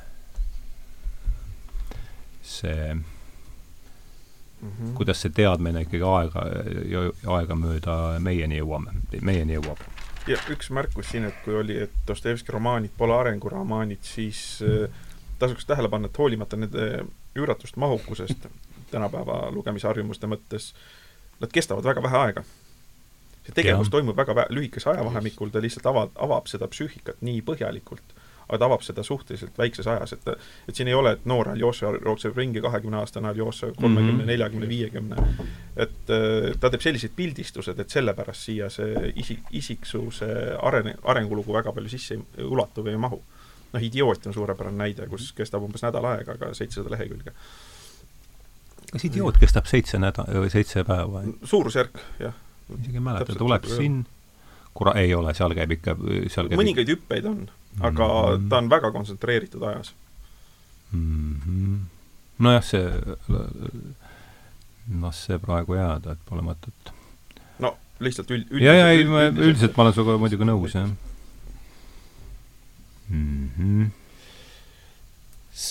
ei, ma, ma lihtsalt tegelikult jäin mõtlema korra, ma jäin tegelikult mõtlema tõesti noh, ta, on ikkagi seotud väga, väga tihedalt sellega, see, mille peale ma jäin mõtlema, oli tegelikult Platoni valitsejate ja Dostojevski mungaelu elavate elu sarnasusele. et lihtsalt vaata, sa alustasid sellest, et mis on nende sarnasused, eks mm -hmm. loomulikult neil on päris palju erinevusi. ja noh, peamine erinevus lõpuks jõuab selleni, et, et kas sa siis saavutad arusaamise kõrgematest vormidest, kõiksusest ja jumalast läbi usu usalduse ja halastuse, ehk siis läbi tegelikult usu, või sa saavutad selle läbi püsiva ratsionaalse treeningu, mõistuse ja meetodi. sest et noh, seesama meetod on, on ikkagi Platoni jaoks on keskne ja see on noh, see, on nagu hästi üldistatult öeldes ju, ju peamine erinevus nende vahel. ja siis teisest küljest, kui ma siis vaatan, milline näeb välja Platonis see nii-öelda hea treening, sellepärast et Platoni hea valitseja käib läbi käib läbi ikka üsna intensiivse ettevalmistusprogrammi, ütleme niimoodi. kui ta lõpuks valitsema jõuab, ma arvan, peab ta olema umbes viiekümne aastane, olles läbi teinud kõik need erinevad etapid, eks, ja milline on see elu, mida ta siis elab. see on elu, kus tegelikult kus ta pühendub, vara tal ei ole, eks, kus ta pühendub mhm. tegelikult tervikuna tõe ja poolise ja kõikide heaolu teenimisele eks see tema lõpp-punkt tegelikult ei ole väga erinev sellest mm, -hmm. kus on see nii-öelda kloostri ja munga elu, mis lihtsalt läheneb läbi selle teise mm, -hmm. Te, teise see on hea paralleel. ja siis teisest küljest, eks kui me vaatame lihtsalt mingisuguseid selliseid Platoni lööklauseid, siis jällegi see nagu, see tegelikult ei erine väga sellest nii-öelda uskliku elust üheks, noh, kas või sellesama Staretsi, Staretsite elust, eks, mis on see Askees on seal, eks ole, see heale inimesele kahju ei tule äh,, ebaõiglusest kannatab eelkõige ebaõigluse enda tegija, eks, pigem kui see, kellele, kellele, kelle noh, kelle vastu siis ebaõiglust sooritatakse, et seal, et ma nagu mingisuguseid paralleele ikkagi nende kahe vahel näen ja see on minu, minu jaoks on, noh, minu jaoks on see tegelikult, on see püüdlus, on ikkagi see suur ühendamispüüdlus siin endiselt. ja hoolimata sellest, et meil on usk ja Jumal ühel pool ja mõistus ja meetod teisel pool, siis see, mille poole nad kuidagi konvergeeruvad, ei tundu mulle nii väga erinev.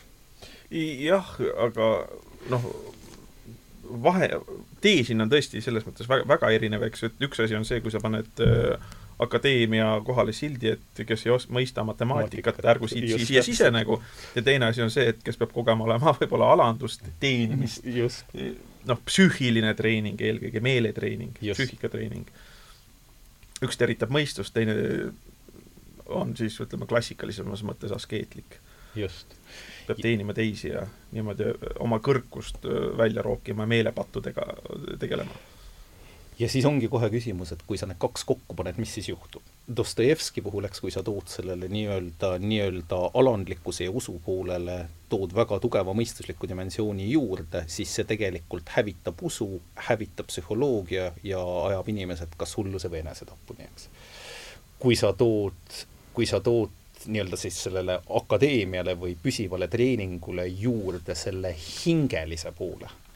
sest et Platoni puhul see hingeline pool, mis, mis noh, Dostojevskis kajastub pigem läbi, läbi Aljoša ja usu, on seal pigem ikkagi võib-olla rohkem, noh, ma ei taha öelda militaarne, aga ta on rohkem nagu selline aumõiste, pigem kui puhas nagu mm, -hmm. nagu usu mõiste.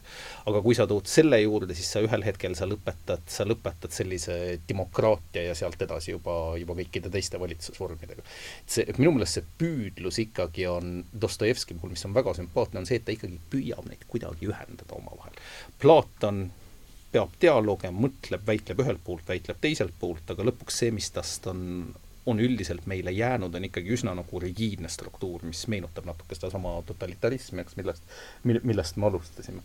aga selles mõttes on äh, Dostojevski on ikkagi palju inimesekesksem mm, -hmm. palju, palju inimesekesksem. väga isiksuse psühholoogilisem. jaa, sest kui me ette kujutame näiteks, milline oleks üks äh, tubli noor, kes hakkab äh, Platoni teed käima, siis me võime öelda, et ta on nagu seal ikka, hea füüsi-, füüsisega, võimleb hästi, hea tervisega, ta on lahtise peaga matemaatikas ja tahab matemaatikat teha ja harjutada Eukleidese kolmnurkasid näiteks või midagi sihukest, et võime ette kujutada. Dostojevski tegelased siin tihti kohtab ka sihukest omadust, on nagu mina oma viletsa eukleidilise mõtlemisega mm. -hmm. Ivan teab, et tema mõtlemine on eukleidiline, see tähendab matemaatiline, loogiline, selge ja sellega ta jookseb tihti nagu hirmutavatele järeldustele või, või õudsetele. aga Aljoša kohta ütleb, et äh, Äh, ta oli, oli päris kindel, Aljoša oli kindel, et ülekohut ei taha talle üldse keegi ega kunagi kogu maailmas. ja mitte ainult mm -hmm, ei taha, mhm. vaid ka ei saa. see oli Aljo-, Aljoša meelest aktsioom, tõde, mis ei vajanud tõestamist ja sellest tulenevalt läks ta täiesti kõhklematult edasi. ma olen selle ise ka välja toonud, eks, pane tähele, Aljoša aktsioom, see, mida ta tajub kogemuslikult või eelproportsioon maailma suhtes on see, et eh, mitte keegi ei taha talle ülekohut teha ja seda isegi ei saa teha. ja selle, selle hoiaku kokkuvõtteks ma olen öelnud, et Aljoša on puhtakujuline antiõiguslane. sellepärast, et, et kuidas me tunneme ära õiguslase? kogu aeg tehakse liiga ja aktsioom on see, et talle on kuidagi ebaõiglaselt liiga tehtud eks ju, Aljoša miinusmärgiga see mm. -hmm et see on väga oluline psühholoogiline tendents, eriti kui me vaatame tänapäeva maailma, kus igasuguse õiguslasi vupsab välja ühest ja teisest kohast. jah, selles et... mõttes on Aljoša, jah just, aga seal tead, mille peale ma, ma hakkasin just mõtlema, et seal, kui sa vaata, kui sa võrdled, siis Aljoša näol me tuleme mingis mõttes tagasi selle nii-öelda unustatud või algusest peale olemasoleva teadmise juurde. Kas tegelikult see usuline tee, noh, Platoni puhul on see tee väga metoodiline, väga dialektiline, väga süstemaatiline, lühidalt tuleb näha kõvasti vaeva mm. -hmm. selleks, et jõuda selle seoseni siis kõrgema ja alama maailma juures uh,. samas Aljoša oleks nagu uh, oleks nagu võtnud väga palju kiirema tee täpselt sinnasamasse, mis on see, et tema lihtsalt usub, ta usub täpselt kõike seda, mis sa just ütlesid ja jõuab tegelikult mitte väga erinevasse punkti, säästes ennast äh, kolmekümnest aastast raskest tööst ja luues kõik eeldused mingis mõttes selleks kindluseks, just nimelt eelkõige nagu sisemiseks psühholoogiliseks kindluseks, sest et see on see, mis Aljošat kõikidest teistest selles romaanis erineb, ta on lihtsalt kindel. Ükskõik, mis ka ei juhtuks, seesama, seesama aktsioom, minuga ei juhtu midagi, keegi mulle midagi olulist teha ei saa, sellepärast et ma usaldan, ma usun. Ja mu küsimus on see, kas ta lihtsalt jõuab jõuab isegi mitte kakskümmend korda kiiremini, aga lihtsalt hetkega sinna, kuhu, kuhu meie, kuhu meie platooniline kangelane jõuab, jõuab väga pika, väga pika tee läbi. sellepärast, et Platon, noh, Platon usub, ja see on minu, minu jaoks on see Platoni puhul kõige sümpaatsem üldse, on see, et on mm. väga palju sellest, millega noh, ma paratamatult, mis tähendab, nõus ei ole, et ta on, ta on ikkagi ta minu meelest on kõige suurem filosoof, kes kunagi on elanud, et sellega ma nagu paratamatult pean nõus olema. Aga sümpaatne on see, et ta rõhutab läbi oma metoodilisuse selle, et kõik peavad teadmiseni jõudma ise. ja et mhm. teadmine, see teadmine ja äratundmine, kus, kuhu Aljoša kohe oma usuga hüppab, et see on Platoni jaoks väga vähe väärt, sellepärast et ükski teadmine ei ole väärt ilma selleta, et inimene see ise oleks läbi teinud selle sinna jõudmise tee. no kehasse ankurdamine käib seal kuidagi. Muidugi Zossima ütleb ka Aljošale, et sa, ka sina pead minema ellu ja naisegi pead võtma. mida, mida ka Mihkel Mutt ükskord tsiteeris mulle. tehtud ja veel mismoodi? jah, ei, ei, ei saa li-, jääda lihtsalt äh, vai-, vaimu panema kohe alguses, selles mõttes, et äh, et noh, need, need hüpped peavad olema plokitud, et äh, Aljosa ei saa hüpata Sosimaks siiski kohe.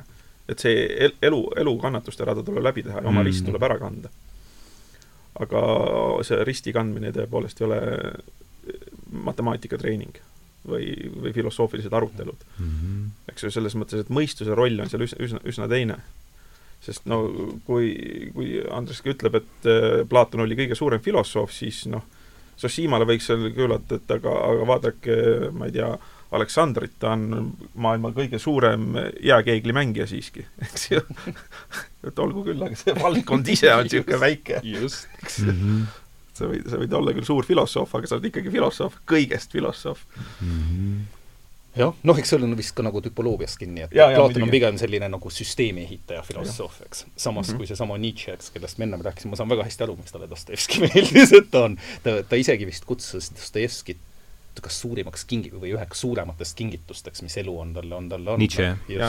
et, äh, et noh, ega filosoofia isegi jaguneb, aga noh, Plato, Platon ise on selgelt, on ikkagi, on ikkagi süsteemi ehitaja loom selles mõttes, et väga jah, see noh, see isiksuse psühholoogia igatpidi. see, et isiksus ei lase ennast süsteemi panna ja ja noh, et äh, mida ta siin põrandaalune juba välja ütleb, et te, te võite küll oma äh, mõistuslikud kristallpaleed välja mõelda ja välja arvutada, kuidas mul oleks alati kõige mõistlikum käituda, aga mina tahan täi-, ennast täis juua ja märatseda ja laaberdada. ja kui me vaatame, et kummal nüüd õigus jah, et kummal, kummal see nüüd tegelikult õigus on, see, mida inimene tahab, tahtedialektika, see, mida tegelikult inimene tahab ja ihaleb, et seda vaatab Dostojevski palju peenemalt. ja ta ei vaata muidugi niisuguselt primitiivselt, eks ju, et et on inimene on üks ihade pundar, mis tuleb mõistuse raamidesse suruda, vaid ta näitab, mida, mida Dostojevski korduvalt näitab, on see, et näiteks headus, headuse kirg on sama demooniline ja ebamõistlik vahel mm. -hmm. et sa võid, et mitte ainult pahed ei tõmba sind kõrvale, vaid ka täiesti niisugune irratsionaalsed, head kaastundlikud instinktid, et kui Raskolnikov läheb seal, tal on kõik ilusti välja arvutatud, eks ju, tal on raha väga vähe parasjagu, ja siis tuleb üks tänavatüdruk, kes on tõesti väga viletsas olukorras ja küsib tal raha ja ta annab ära oma raha mis tema suure plaani seisukohalt on täielik lollus, eks ju. aga ta ei suuda sellele headuse kiusatusele vastu panna. et ka headus võib kõrvale tõmmata nii-öelda mõistuslikult teelt. et see, et noh, inimesed on alati mõlemad koos, see võitlus käib. see on, selles mõttes on Dostojevski on ikkagi palju kuidagi halastuslikum kui, see, see on see, mis mulle ta juures kõige rohkem meeldib tegelikult, on ta, on ta see, kuidas ta käsitleb armastust ja halastust ja empaatiat tervikuna. juba kas või see, et, et, et taevas tuntakse, ma ei mäletagi, kuidas see tsitaat oli, et taevas tuntakse üheksa patukahetseja üle oluliselt rohkem rõõmu kui, kui ühe nii-öelda suurepärast ja vooruslikku elu elanud tegelase triumfeeriva tegelase üle. no see on väga kristlik mõte, ma kujutan. see, see on väga, see on väga kristlik mõte, samas Platoni puhul tegelikult Platoni taotlus ikkagi on harmoonia. ja noh, jälle ajalooliselt räägitakse, et see on seotud äh, mitte ainult Sokratese surmaga, aga tegelikult ka väga segase poliitilise mhm. ajastuga, mis, on omavahel seotud selles. Kreekas. tema taotleb harmooniat ja tema jaoks ideaal näeb välja selline, et kõigile on oma ette antud roll vastavalt nende võimetele ja nad täidavad seda ühiskonnas ja see kõik kuidagi ehitub selliseks hiiglaslikult äh, äh, jah, nagu ülevalt alla reduktsionistlikuks perfektsuseks, mis on äh, mis, olgem ausad, ei ole ikkagi ühiskond, milles, milles vähemalt, vähemalt võib-olla mina elada tahaksin, et see kõlab see on see, mida Popper talle ette heidab sisuliselt, eks äh, jaa, ja mida see... Põrandaalune ette heidab, et niisuguses äh, isiksus võetakse ära sealt, et kõik on harmooniasse aetud, aga tema ei taha olla mõistuspärane Väntoreli tiht, kes lihtsalt mm -hmm. tiksub, vaid ta tahab näidata oma isiksust ja olla ja siin ta ütleb, et et need kõik need suured süsteemi ehitajad unustavad ära ühe kõige kasulikuma kasu, mis üldse on ja see on inimese tahe olla suveräänne. ja selle suveräänsuse nimel on ta valmis tegema endale haiget, ta on valmis tegema lollusi, mida iganes. et see on nagu nii, nii oluline, nii oluline vajadus. et, et see on ka, mi-, miks läbi kukuvad niisugused äh, suured äh, noh, hoolekandeprojektid, sest inimene ma, see, see võiks öelda isegi, et see on üks päris hea argument kodanikupalga vastu eks ju, et inimene noh, ta ei, ta ei kannata välja. et see, see hakkab teda muserdama kuidagi, vaid noh, ta kuidagi mürgitab ära see, et sa tead, et Dostojevski rõhutab, eks ju, see, et just oma teenitud raha on väga suure väärtusega. see, et sa oled ise oma tööga teeninud, et see annab nagu väärikuse. inimesel on see väärikus väga oluline, eks ju, aga noh, almuses sa ei saa ol-, olla väärikust ja siis, siis hakkab mässama ja tuleb vimmad ja trotsid ja igasugused sada häda, mis noh, psüühika välja keedab see on kusjuures see peaaegu et loogiliselt viib meid võib-olla veel ühe üsna olulise mõtte juurde, mis käib läbi nii siit kui ka Platonist, mis on seesama vaba tahte ja vabaduse küsimus. ehk see suveräänsuse küsimus mm -hmm. tegelikult, sellepärast et et noh, see, see peamiselt tuleb välja vist Karamazovites, kas Mässu ja, Mässu ja Suurinkvisiitori pead, noh ma tegelikult loen neid kahte koos, et need ongi, need nad ongi omavahel liidetud, kus siis tegelikult tees on see, et et inimene küll soovib vabadust ja suveräänsust, aga ainus asi, mis sellele põhjustab, lõppkokkuvõttes on kannatus. sellepärast, et ta ei oska sellega elada, ta ei oska seda omaks võtta ja samas on ju Platonil on natuke samamoodi, eks uh,. natuke teistel põhjustel, mis on see, et see on nagu tema demokraatia kriitika siis just, just, just, just, just, just. on, on see, et lõpuks, et lõpuks tekib, tekib kaos demokraatia lõpeb türannia. just, ja demokraatia lõpeb loomulikult türanniaga, sellepärast et kõik ei suuda ühel hetkel toime tulla selle vabadusega, mis neile antud on. ja see on ja see on keskne motiiv suure, suures inkvisiitoris, eks? just, just. et see, ma arvan, et see vabaduse, noh, selgelt, eks jällegi me, me tõenäoliselt ei, ei lange siin abstraktsesse arutellu vaba tahte ja vabaduse teemal, aga, aga seesama, seesama näide tänapäeval, min-, minu meelest on see tänapäeval ääretult oluline küsimus mm. -hmm. Sellepärast, et et ühest küljest mulle on alati tundunud, et kui, et kui viis-kuussada aastat tagasi kus ühiskond oli palju rohkem reglemente-, reglementeeritud, kus religiooni roll ikkagi oli suurem, siis kõik see, mis tuli seal läbi Erasmuse ja Toomas Moori ja nii-öelda iseseisev ja juba nagu valgusajastut etteaimav teaduslik mõtlemine oli see, mis vähemalt minu pildis tegi inimesest inimese. samas me oleme kuidagi tänapäeval jõudnud olukorda, kus see on just nimelt seesama irratsionaalsus ja seesama mingis mõttes suveräänsuse ja vabaduse taotlus, mis ütleb, et meil ei ole süsteem A, kus ma mahutun siia ja süsteem B, kus ma mahutun siia ja siin on mul superarvuti, mis analüüsib seda siin ja siin on, et seesama püüe suveräänsuse ja peaaegu et mitteratsionaalse inimlikkuse poole, on pigem nagu inimest defineeriv ja seal tekivad kõik need hooldekande, hooldekandeриikide ja süsteem, noh ma, ma tegelikult siin ma muidugi vaidlen Mihklile natuke vastu selles mõttes, et et ma näen hiigelsuuri ohte väga suurtes, suurtes sellistes struktuurides, mis ühel hetkel võtavad kõik üle teisest küljest, kui me vaatame, see, see, see visioon, mis kogu aeg käib Dostojevskist läbi või Karamazovitest, on see pagana kolm tuhat rubla. See kolm tuhat rubla tuleb tagasi ja tagasi ja tagasi. me arutame siin suuri küsimusi moraalsuse ja vabaduse ja, ja kõige muu üle ja igal pool on sinna sisse pikitud see neetud kolm tuhat rubla mm. -hmm, kas ta just. oli siit, kas ta oli sealt, eks, ja siis kas või seesama, kas või seesama sõjaväelane, kelle, kelle poeg ühel hetkel siis raamatu lõpus ära suri, suri Iljuška Juška, jah. et see küsimus, see tasakaalu küsimus minu jaoks on see, et kindlasti on see isiklik roll oluline. Aga kas see püüdlus ei peaks olema ka teatud mõttes nagu inimväärikuse poole, et noh, ma, ma, ma ei taha üldse hakata kodanikupalgast ega millestki muust siin rääkima. aga mulle tundub, et taotlus, kus, kus kõigil inimestel on võimalik säilitada oma väärikus vähemalt nagu materiaalsel baasil on ikkagi oluline. ja, ja on absoluutselt, jah. Aga muidugi jah, see mehhanism, läbi mille seda teha, see on, see on juba nagu hoopis, hoopis nagu teine asi. et inimesel peab olema võime, noh, noh, väärikus, noh, alandatu alanduse kategooria on ju Dostojevskil üks just, väga, väga keskseid. see, see, mis äh, nagu in-, inimest alandab ja kuida-, kuidas vaesus ruhu, rusub ja räsib ja ja noh, muidugi sõltuvuste teema, alkoholismi teema on tal seal, seal ka ka väga, väga tugevalt sees, et kui, kui, kui, kui demooniliselt see, see mõjub ja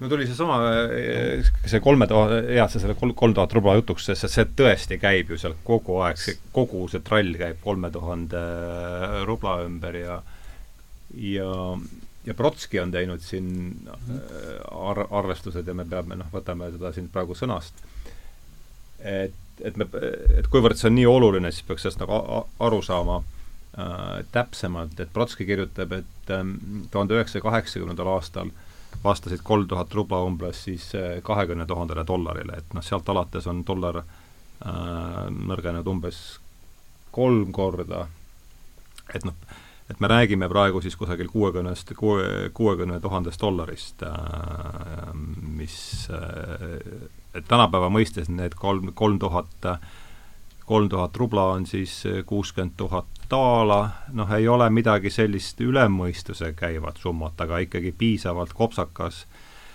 kopsakas summa, et seda nüüd ikkagi ühe nädalavahetusega mokro ees läbi lüüa, see noh, see ikkagi viitab teatud sellisele noh, noh, ta, nagu ta seal ka kirjutab, et jootis talumehed ja, ja kogu jaa, kogu, seda, kogu seda, küla seda episoodi tasuks võib-olla meelde tuletada, eriti neile, kes ei ole lugenud, eks ju, see Dmitri, ta on väga kirglik ja ta on kogu aeg tegelikult vaesuses elanud. ja seda kopikat taga ajanud ja, ja siis, kui tal nagu järsku Dostojevski ise. jah, ja siis, kui tal järsku tekib võimalus, siis ta on just, et teeks ühe suure kräu võtab kolmandast sambast raha välja jah, et noh, just võtaks teisest ja kolmandast sambast raha välja ja sammast. kordki elus käia mokro ees kordki elus teha üks sihuke kräu, mis on ka kräu, kus sa ei loe senti, eks ju, kus sa lased oma ihad täiesti valla, mis on no täiesti irratsionaalne käitumine, sa ei mõtle üldse pikalt ette. ja siis oled sa pärast jälle, eks ju, Rentslis tagasi ja vireled jälle edasi, edasi kuni surmani. aga ta näitab, et inimeses on see instinkt nii tugev või olemas, eks ju. et sa, saada korraks sellest materiaalsest lõast just lõast vabaks. see nagu ja see muidugi ühendab neid jälle mingis mõttes, et noh, samas, samas noh, mis ühendab, Dostojevski ei anna sellele tegelikult väärtusi, noh, mis on, mis on minu meelest ka üsna nagu sümpaatne, ta kirjeldab seda. ta toob välja, just, just täpselt, mis sellega kaasas käib, kuidas, kuidas see kõik võib, mis, mis võib juhtuda, eks. aga lõpuks ta ei anna sellele lõplikku väärtushinnangut, mis jälle on, on minu meelest on sümpaatne, aga samamoodi see nii-öelda see kolmas osa inimesest, mis on see nii-öelda ihaline pool. mida Dmitri on eelkõige, eks ole, see on et Plaat Newton ikkagi ütleb ka väga selgelt, et selle rahuldamine on suuresti seotud ikkagi rahaga või nii-öelda nagu materiaalse väärtusega. et seal võib-olla on ka see ühtne joon, on see, et kuigi nad ei anna sellele, kumbki noh, mõlemad, mõlemad tegelikult lihtsalt analüüsivad siis või kirjeldavad seda, aga see, selle nagu, selle destruktiivsuse ja täieliku ihadele allumise poole, nad ikkagi mõlemad näevad selles päris suurt ohtu nad näevad, et see on väga inimlik mingis mõttes, et ka Platoni puhul tegelikult ei ole niimoodi, et sul plokid seisavad kõik erinevalt, et siin sul on mõistus ja siin on iha ja ja siin sul on mingisugune julgus ja väärikus ja au, et nad, et nad kõik ikkagi nagu kombineeruvad omavahel. lihtsalt Platoni puhul on mõistus see, mis kõik ülejäänud peaks juhtima selleks, et, et kuidagi oleks harmooniline, eks uh,. Dostojevski pigem nagu näeb, et see on rohkem selline vaimne pool mm. -hmm. aga samas ta ei diskrimineeri üldse sest et see, mis noh, see on, Mihkel ütles seda nagu päris alguses, aga minu meelest on see nagu üks vähemalt minu jaoks nagu keskseid asju, millega, millega ma kohe pärast raamatu lugemist nagu, nagu, nagu kuidagi ära läksin, oli just nimelt see teadus ja meetod, et see on see, mida, see on ju see, mida ta tegelikult näitab, on see, et teadus ja meetod ei pruugi alati viia täpse tulemuseni et ta võivad, et nad võivad olla ekslikud. sellepärast, et, sellepärast, et seesama Dmitri kohtuprotsess ja tõendite kogumine ja protseduurilisus ja kõik muu, mis seal juures oli, lõpuks lõpuks kas saab kohtule ette heita tol hetkel seda, et nad langetasid vale otsuse, no tegelikult ei saa. Ju, eks, et puhtalt nagu objektiivselt, ratsionaalselt analüüsiv, ma arvan, et üheksakümne üheksal juhul sajast oleks tegelikult langetatud sarnane otsus. tuletab mulle alati, alati meelde ja noh, ma jätan siin nimed nimetamata, aga, aga vestlust kellegiga, kellegiga, kes vaatas, kes vaatas oma, oma iPhone'ist ilma, ilma ennustust. ja noh, me tahtsime midagi teha, eks, ja mina tulin ühest toast olles aknast välja vaadanud, et väljas sajab päike, et läheme nüüd välja, eks. ma ei olnud ilmaga tutvunud, küll nad aga vaatasid, et et, et weather.com ütleb, et väljas sajab vihma, kuhu sa tahad minna, et see on nagu see mul on enam-vähem sama samasugune kogemus just. olnud,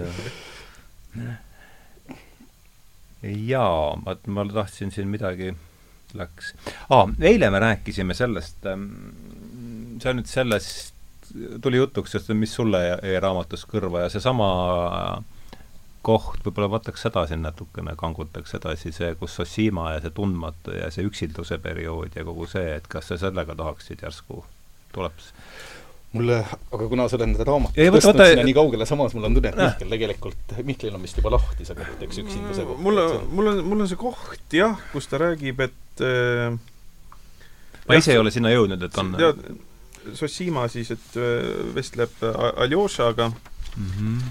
äh, noh, ka Aljoša unistustest, eks ju, milline see maailm võiks siis olla, üldiselt, väga üldises laias laastus protsessid teadke, et see unistus, nagu teie, teie seda nimetate, läheb tingimata täide. uskuge seda. kui see ei lähe täide praegu, kuid see ei lähe täide praegu, sest igal asjal on, on oma kord. see oleneb hingest, psühholoogiast. selleks, et maailma uutmoodi ümber teha, oleks tarvis, et inimesed ise pöörduksid psüühiliselt teisele teele.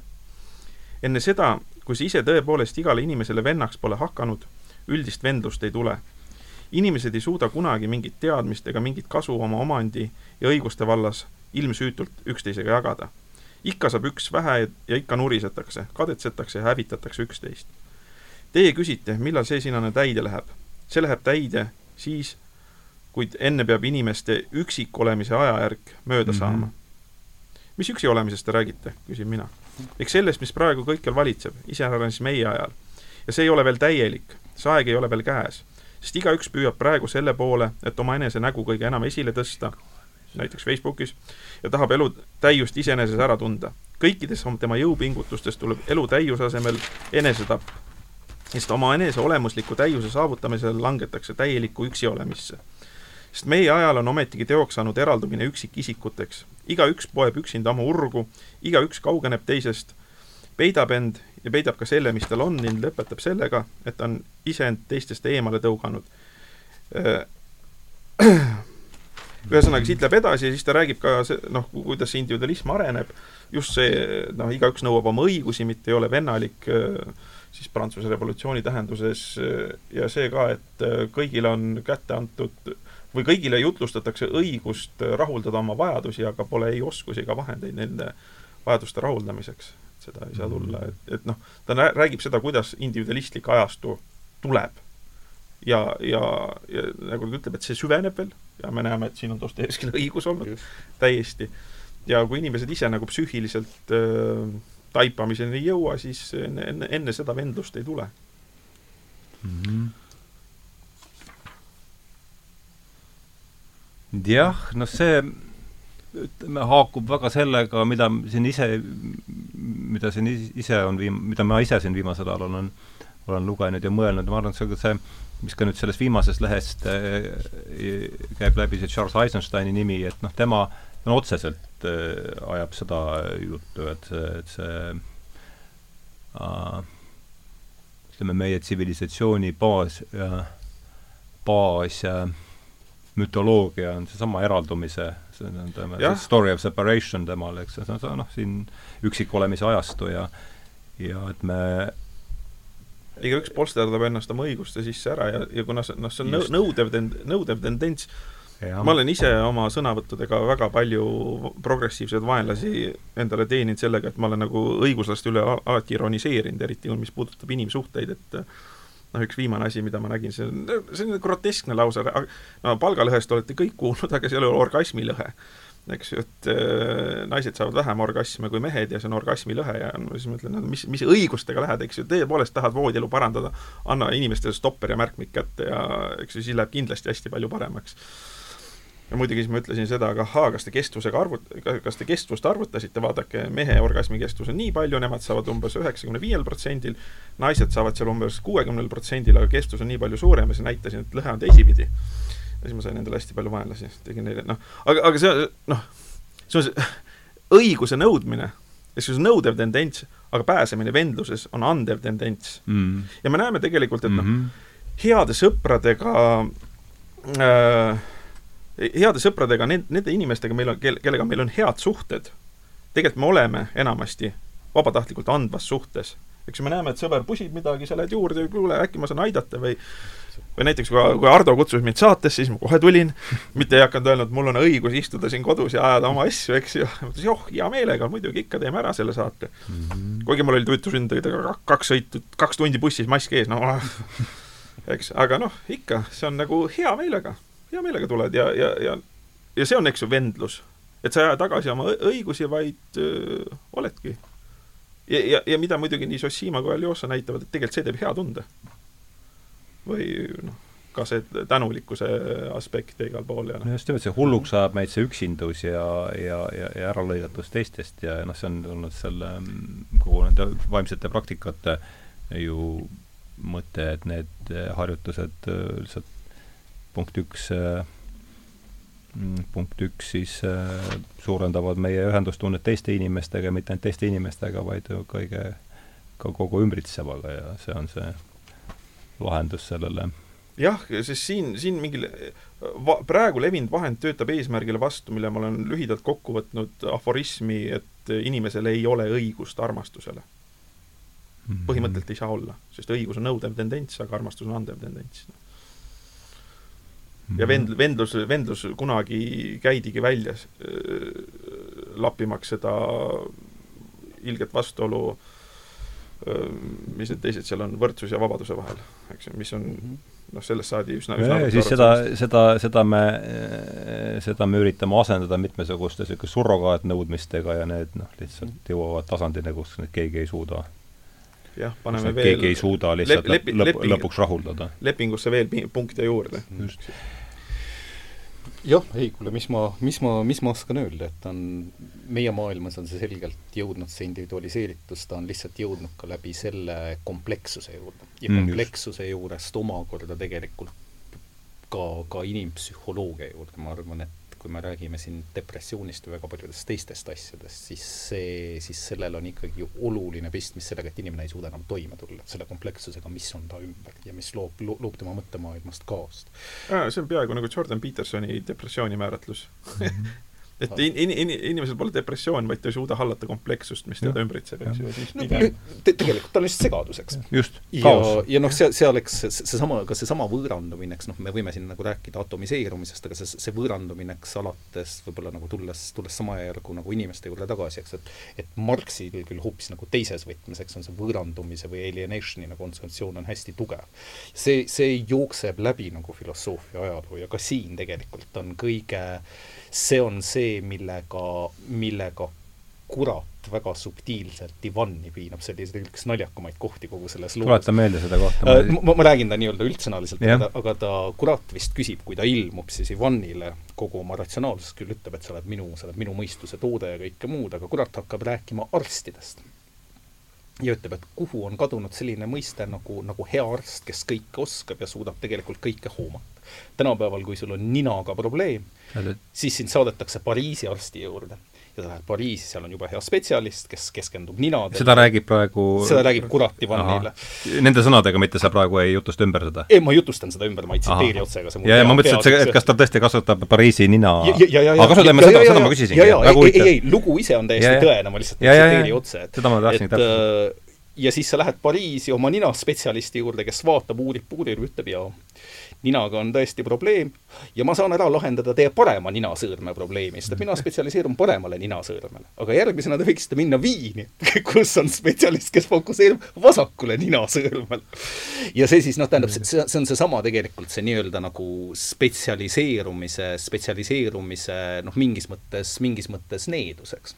on see, et selline holistlik ja terviklik lähenemine kaob ära ja kuna komplekssus on nii kõrge, siis ega keegi ei suudagi seda enam tegelikult hoomata mm mis on, mis on see, mis on mulle ühest küljest Platoni puhul sümpaatne ja teisest poolest mitte. Platon tegelikult soosib seda komplekssust, sellepärast et ta määrab igale ühele vastavalt oma, oma oskustele teatud rolli ja ta saavutab selle hormaa-, noh, see, see on lihtsalt nagu sipelgapesa, eks.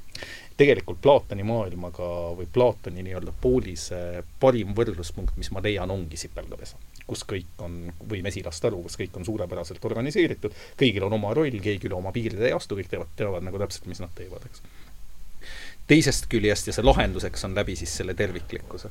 samas teisest küljest, mis Platoni puhul kuidagi on sellele peaaegu et nagu vasturääkiv, on just nimelt seesama, igaüks peab iseendas ja läbi enda läbi enda dialektilise analüüsi jõudma tõeni, ehk ta peab sellest ise aru saama, keegi ei too sulle taldriku peal tõde kätte ja tõel on väärtus ainult siis, kui sa oled selleni ise jõudnud. ja seal ma nagu näen teatud te,, te, teatud vasturääkivust uh, mis puudutab noh, küsimus, mida alati nagu mina endalt küsin selle kõige puhul, on lihtsalt miks. üksindus kindlasti, spetsialiseerumine kindlasti, atomiseerumine kindlasti, aga mis selle asja eesmärk tegelikult tähendab, mi-, mi-, mi-, miks me seda teeme, sellepärast et tööjaotus on kuidagi efektiivsem, sellepärast et see võimaldab inimesel kuidagi täita oma potentsiaali selles valdkonnas, mida nad, millele nad kuidagi keskenduda soovivad. et isegi, kui see on eesmärk, eks siis, siis me ikkagi noh, jälle ma, ega ma mingeid uuringuid ei oska siin peast tsiteerida, aga, aga ma, aga ma just kusagilt lugesin, et kas kümnest töötajast üheksa on suhteliselt õnnetud selle tööga, mis nad teevad. et ta ei vii ta tegelikult ei vii meid, ta ei vii meid kuidagi lähemale sellele miksile, mis võiks ju olla mingisugune seesama tegelikult nagu harmoonia ja rahulolu, millest lõpuks räägivad ju nii Platon kui Dostojevski. ja, ja noh, esimene küsimus, mina vähemalt praktiliselt iga asja puhul, mida, millega ma kokku põrkan, mu esimene küsimus on miks. vahend on hakanud eesmärgile vastu töötama. Mitte planeeritult, vaid juhuslikult kõrvalnähtuna on vahend hakanud eesmärgile vastu töötama. ja sipelgapesast rääkides äh, Loomingu raamatukogus on ilmunud ka hunnik eh, tsitaate Dostojevski kirjadest, mis pandi kokku kas see on see Inimene on saladus või? inimene on saladus jah, ja seal, selle üks aastaid tagasi juba, eks? jaa, üks Nõukogude ajal ja kusjuures mm -hmm. see oli skandaal, sest ta seal mm -hmm. sõimab sotsialiste ja Loomingu raamatukogu pea, pea, peatoimetaja pidi tagasi astuma ja ja see, see oli jah, et see oli, kuidas niisugune asi läbi lasti. aga seal on ka üks äh, alapeatükk või plokk siis äh, sipelgapesa vastu. sest inimene ei taha elada sipelgapesas, on siis Dostojevski, sest meil pole sipelgaloomust. vaid me oleme inimesed, eks ju, me oleme isiksused ja mulle väga, väga meeldib väga, väga meeldib äh, väga tuntud evolutsiooni ja Wilson. jah, Edward O. Wilsoni tsitaat, mm. et et kommunism oli hea idee, aga liik oli vale et et inim, inimliigile ei sobi, aga iseenesest sipelgatel ja töölis-, termiitidel, ühiselulistel putukatel mhm. kärab väga hästi. Mhm. ja muidugi siin, siin ma ise olen äh, alati et miks see sipelgatel putukatel välja tuleb, asi on selles, et seal pole töölistel seksuaalset konkurentsi. Mhm. päris huvitav tähelepanek. ja muidugi hiljuti mul tuli selline mõte, et tegelikult nad on kõik fašistlikud, sest neil on üks juht aga see oleks puhtalt nagu Platonist tulnud, mitte see üks juht siis, aga just nimelt seesama, et ma saan aru, et Platoni visioonis tegelikult ka paljunemine ja, ja, ja kõik muu toimus väga organiseeritult, eks eelkõige siis nende nii-öelda ühiskonnajuhtide või, või, või guardianite puhul on see, et, et tegelikult isiklik, igasugune isiklik egoistlik tendents püüd-, püüd-, noh, tegelikult püüti välja juurida. jaa, seda on ikka, ikka proovitud ja siin on see, et eh, liha ei tule järgi. Inimesed on oma kiindumistega kirglikud ja irratsionaalsed, et näiteks Tšernševski Mida teha, Dostojevski kaasaegne, kellega Dostojevski pole-, polemiseerib. Eh, Tšernševski oligi siis jälle, kusjuures eh, hea näide, ta kirjutas selle raamatu vangis, tähendab sotsiaalsetest suhetest eraldatud, kus mõistus mõistus saab õilmitseda sellepärast, et sotsiaalsed tunded, vahetud kontaktid ei sega, eks. sest üldiselt on see, et kui sa näost näkku inimesega suhtled, vahetult elavalt suhtled, siis see tohutult muudab sind. Sa kogu aeg muudad oma käitumist ja, ja seda, üksi vangis ja nagu Dostojevski mõtlejad on ka tihti mingis pugerikus vaikselt mm -hmm. omaette ja mõtlevad välja oma suuri skeeme, siis Tšerneševski mõtles ka, et noh, mida tuleb teha, vaatas armukadedus, ei, seda pole vaja, selle jätame kõrvale, eks see on umbes kodanlik igand, see ainult segab meie harmoonilist korraldust, arhitektuur selline ja nii edasi, kirjutabki siis niisuguse romaani ja ehitab utoopia. ja siis ongi, Dostojevski ütleb, et no sorry, meie loomus ei tule järgi, mis on niisugune jälle kahtle, kahtlase tänapäeval palju vihatud mõiste, et mis see, kes inimloomusest räägib, on vähemalt protofašist või midagi niisugust teadupärast mm, -hmm. aga kuna Dostojevski oli nii filigraanne psühhofenomenoloog minu arust just. et, et äh, kuidas ta vaatas elavat dialoogi inimeste vahel, elavat suhtlust, et sellepärast tunduvad tema karakterid nii noh, nii võimsad ja mõjuvad ka. et sellest räägib see Bahtin, mille siin võib öelda, et äh, väga legendaarse ja läänes ka väga kõrgelt hinnatud uh, humanitaarteadlase Mihhail Bahtini Dostojevski poeetika probleemid ilmus just ja ja siin ta lahkab just seda, noh, tema toob selle mõiste polüfooniline romaan, kus ta ütleb, et äh, kui varasemalt oli niimoodi, et äh, autor kõrgus oma tegelaste kohal, vahel valis ühe lemmiku väljagi, siis tema häälega rääkis, aga Dostojevski romaanides seda ei ole. et, äh, et seal on nagu, need tegelased on võrdsed igaüks räägib oma vaatepunktist ja. ja maailmale vaadatakse ainult läbi konkreetsete inimeste vaatepunkti, et mm, -hmm. et puudub see kõikenägev jumalik autor seal selle kohal mm. -hmm. et selles on nagu Dostojevski romaanide mm -hmm. omapära ja, ja loomulikult mis on natuke sarnane, me rääkisime alguses see Platoni, selle, kuidas Platon oma dialoogid üles ehitab. jaa, jaa. mingil määral vähemalt. siin ta, ta, ta toob paralleele ka Platoniga, aga ta ütleb noh, et Platon on selle polüfoonilise romaani eelkäija selles mõttes, et äh, ta on palju lihtsakoelisem vorm. et see, see asi on nüüd äh, palju suuremaks ja täielikumalt välja arenenud, et, et, et samu as-, aspekte seal on. ja mida tasub kindlasti tähele panna, mis eriti tuleb välja ülestähendusi põranda alt, et mi-, mis probleem seal väga keskne on, see on eneseteadvuse probleem. et seal ta kohe alguses ütleb, et tänapäeva inimesel on liiga palju eneseteadvust. rohkem, kui oleks kasulik. Haritud üheksateistkümnenda sajandi peterburilasel piisaks kahekümne viiest protsendist sellest eneseteadvusest, mis tal on. ja see, kuidas see eneseteadvus halvab, kuidas on see enesereflektsioon, just, ja sedu mis surub see üksik, mis surub meid sinna üksikkongi, eks. ja tuleb tegelikult ka otseselt tagasi selle juurde, millest me, millest me rääkisime, millest me surma kontekstis ennem rääkisime, on just seesama hirm surma ees, sellepärast et eneseteadvus ja minu ego on see, mis on selle poolt ohustatud läbi selle, et teda lihtsalt ei ole ühel hetkel mm. -hmm. null, tühjus. just uh,. jah ma ei tea, kuidas meil, kuidas meil ajaga on, aga see meil on, kui sa hakkab, hakkame vaikselt tõmbama kokku, aga meil on üks aga siis kokkuvõtlikult pa, paarkümmend minutit äh, vast võiks veel äh, niimoodi mm -hmm. aga räägi, räägi. ei, et ta on nagu kokkuvõtlikult, tegelikult see ongi see, mis on, mis, mis on Dostojevski puhul nii võluv, on see, et kui sa vaatad, ma tulen jälle päris algusesse tagasi, eks, et, et kui sa vaatad kõiki neid püstitusi, mis ta esitab, et siit jookseb läbi pea kõik suured küsimused mm. -hmm universaalne versus spetsiifiline, keerukus versus lihtsus, vaba tahe versus ettemääratus, kord versus kaos, harmoonia versus segadus, selline alt üles versus ülevalt alla, ehk siis kesksus versus nagu detsentraliseeritus, ma ei oska isegi, isegi nagu vähem bürokraatlikku sõna hajutatus, siis võib-olla on, on, oleks eesti keeles ilusam öelda. ratsionaalne versus hingeline versus siis juba intuitiivne empiiriline versus fikseeritud, killustatud versus ühtsus, moraalsus versus kõikelubavus, hierarhilisus versus siis mittehierarhilisus, usk või jumal versus mittejumal, et nad kõik põimuvad kokku. tegelikult komplotti, mis, mis mind kuidagi nagu raamatu lõpus ei olnud targemaks teinud, ma olin tegelikult selle raamatu lõpetades, ma olin veel suuremas segaduses, kui ma olin enne raamatu alustamist. aga tulles siis tagasi võib-olla nagu selle juurde, millest me just rääkisime seoses üksindusega, et see viibki kokku sellesama vabaduse, moraalsuse ja ratsionaalsuse minu jaoks tegelikult, on see, et, et mina ma ei tea, kas ma julgen ennast nagu päris progressiivseks, päris progressiivseks äh, pidada, aga selgelt, selgest minu, minult, mul, mus ikkagi nagu on progressiivsust päris palju. aga see, mis noh, mida tuleb alati enesekriitiliselt küsida, on see, et ma olen alati arvanud, et teatud mõttes mõistuslikkus ja ratsionaalsus läbi aja viib alati suurema heaolu või suurema vabaduseni. Ja mingis mõttes, eks võib öelda, et läbi inim, inimkonna ajaloo on see ju ometi toimunud, eks mm. -hmm kahtlemata, jah. teisest küljest noh, alati see on nagu vana, see on nagu vana selline bürokraatiline reegel, et kui sa bürokraatlikult süsteemilt küsid, mis me nüüd teeme, siis bürokraatlik süsteem ütleb, teeme täpselt seda, mida me tegime eelmine kord, sellepärast et see on, aga see, et see on omakorda juhtunud, ei tähenda seda, et ta paratamatult edasi juhtub. Ja mu küsimus tegelikult noh, mis, mis mind võib-olla nagu selle kõige taustal kõige rohkem painab, on see, kas mõistuslikkus, ratsionaalsus ja vabadus, mille kombinatsioon on meid mingis mõttes tänapäeval toonud siia, kuhu me oleme jõudnud ja mis on teinud võrreldes mingisuguse kaastundlikkuse, inimliku moraalsuse, empaatiaga arenenud valgustusajastu algusest nii palju kiiremini kui siis see nii-öelda moraalne, moraalne kaastundlik pool.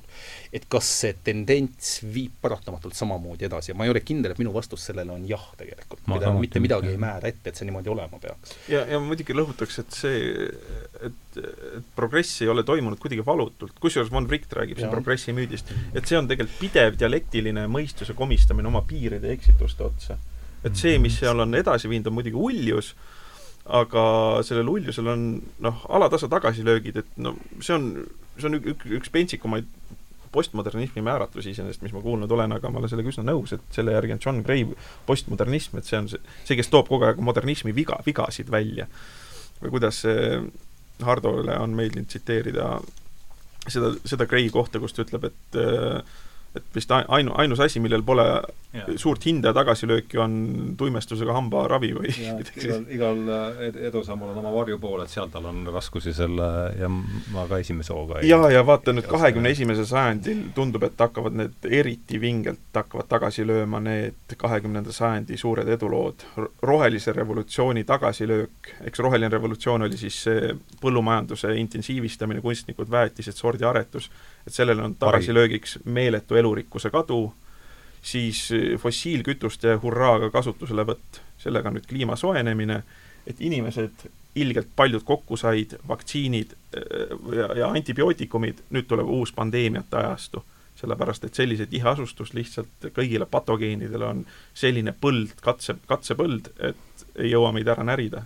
ja nad teevad seda väga edukalt. pluss selles asfaldi ja betooni peal jääb meie immuunsüsteem nõrgemaks. jah ja et, et tundub, et kahekümne esimene sajand tuleb siin selle pro-, progressi vari jõuab lõpuks kohale. jah, ma olen, mul on, mul on sama tunne. Ja teine asi, kus ma, mille peale ma olen seda korduvalt selles sarjas toonud näiteks see, kuidas me reageerisime kahe tuhande kaheksanda aasta finantskriisile, et see, see, see mis, mis selle kahe kongressmeni nimed, ma ei mäleta, Topp oli, no pole tähtis et, et see seadus vist oli mingi kaks tuhat lehekülge, millele me, millega me siis, või millega nad seal reageerisid sellele, et süsteem oli juba nii keerukaks niikuinii muutunud ja ja see kuidagi toob mul tagasi noh, vähemasti arhetüüpses mõttes sama kristluse alguse juurde, kus see probleem jällegi ei ole ju mingi religiooni ajaloolane, aga, nii palju, kui mina sellest aru saan, on ikkagi see, et kogu see asi oli nii seaduspõhiseks läinud, kõik äh,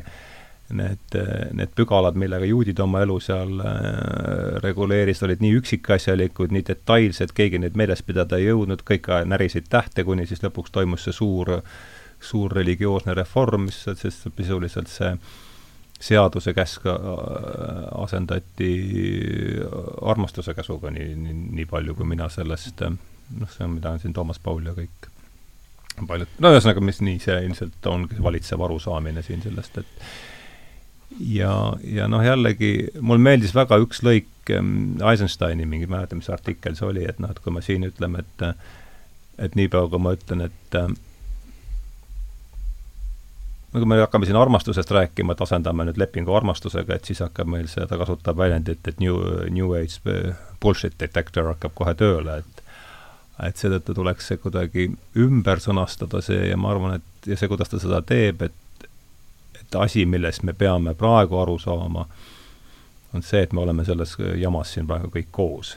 et et, see tundub olevat küll asi, millel on väga keeruline äh, vastu vaielda, vastu, vastu vaielda, et me oleme selles kõik selles ühes, ühes paadis koos, et äh, ma ei tea, mis see, kuidas, kuidas see, mis mõtteid see repliik teis mm,? no nii on er,. Eri, noh, kõik, mis puudutab, eks ju, me oleme ühes vererenges nii rahasüsteemist kui atmosfäärini välja yes.. et see, et jah, et eralduse müüt, eralduse müüdi läbikukkumine. just, eraldatuse müüdi läbikukkumine, jah. ja, ja see, ja see, see tuleb lihtsalt väga tugeva löögina reaalsuse kaudu, jõuab ja. see paljudele kohale tõenäoliselt, eks ju. jah, see tundub olevat äh, no minu jaoks pandeemia oli selles mõttes päris tore, eks ju, et Mida pandeemia oli selles mõttes päris tore, kui vaadata seda jumaliku žestina, et niisugune armas, armas kõrvakiil, et et kaua sa kehitad sinna õlgu, et Hiinas on mingi viirus, eks ju, ja siis läheb kaks kuud mööda ja on sul oma, omal mask ees, sest direktsioon käsib, eks ju, noh, siis mi, mis sa teed? et noh, me, me ei ole üldse eraldatud enam, et see, see maailm on, kunagi öeldi, et kui Pariis aevastab, siis Euroopa saab nohu, aga nüüd Hiinas keegi köhatab ja kogu maailm on maske täis, noh. et, et Andres jah, ma, ma selles mõttes, ma tuleviku ennustusega ei julge, ei julge tegeleda. võib-olla noh, see ei ole, see ei ole, see ei ole võib-olla aktsioom, aga lihtsalt, lihtsalt nagu te olete ka isegi sina pidanud seadusele ja kõigele muule, et võib-olla ta ei ole aktsiomaatiline, aga ta ikkagi noh, jälle, ma ei ole tingimata empiirik, aga empiiriline kogemus näitab, et kui, et ühel hetkel, kui sul omavahel põrkuvad kokku seadusandlus ja tegelikkus siis on ühel hetkel ikkagi seadusandlus see, mis kohandub tegelikkusele, mitte, mitte vastupidi. ja see on, ja see on midagi, mis, see on midagi, mis, mis ei pruugi alati ka samasuguseks jääda mis omakorda tekitab must kohe küsimuse selle nii-öelda nagu ratsionaalsuse ja vabaduse, vabaduse seose vahel. teine asi on võib-olla see, mis puudutab, mis puudutab kahekümne esimest sajandit, lihtsalt see ulatuslik ja see ulatuslikkus ja see, mida Mihkel juba räägib Hiina köhatusest. katse-eksituse meetod on muutunud üsna riskantseks, paratamatult, sellepärast et meie mõju ja meie tehnoloogiline võimekus on niivõrd palju kasvanud, et äh, katse-eksituse meetod äh, võib olla fataalne. jah, võib olla fataalne uh, ja noh, seda me oleme näinud, eks lihtsalt läbi, kui sa vaatad, kui sa vaatad lihtsalt sõdu, eks, vaatad teist maailmasõda ja inimesi, kes seal hukkusid ja esimest maailmasõda lähed niimoodi järjest tagasi, eks ega see nagu väga palju lootust ühel hetkel ei anna. lihtsalt see, et tehnoloogiline progress paratamatult tähendab nii võimalikku potentsiaalset kasu, kui ka tegelikult sama nagu potentsiaalset kahju. ja mõte sellest, et me liigume kogu aeg ilma eksimata, olles võtnud siis nii-öelda noh, tulles raamatu juurde tagasi, eks selle nagu jumaliku rolli enda peale mingis mõttes uh,. Tõenäosus, selles ma olen küll kindel, tõenäosus, et me ainult sammume ühelt võidult teiseni. Nagu in perpetuum on minu meelest täiesti välistatud. seda vist ei usu enam keegi, mul on niisugune tunne, et seda ei usugi enam. mistõttu küsimus on lihtsalt selles, et kuidas neid tagasilööke, kuidas neid tagasilööke hallata ja mis on nende, tähendab, on seal üldse mingigi kontrollitavus, eks. ja Dostojevski võlu on selles, et Dostojevski isegi ei teeskle, et seal tingimata mingi kontrollitavus on, ta leiab väga inimliku lootuse raamatu lõpus, mis ei ole kuidagi nagu mingi süsteemihaldusega millegi muuga seotud.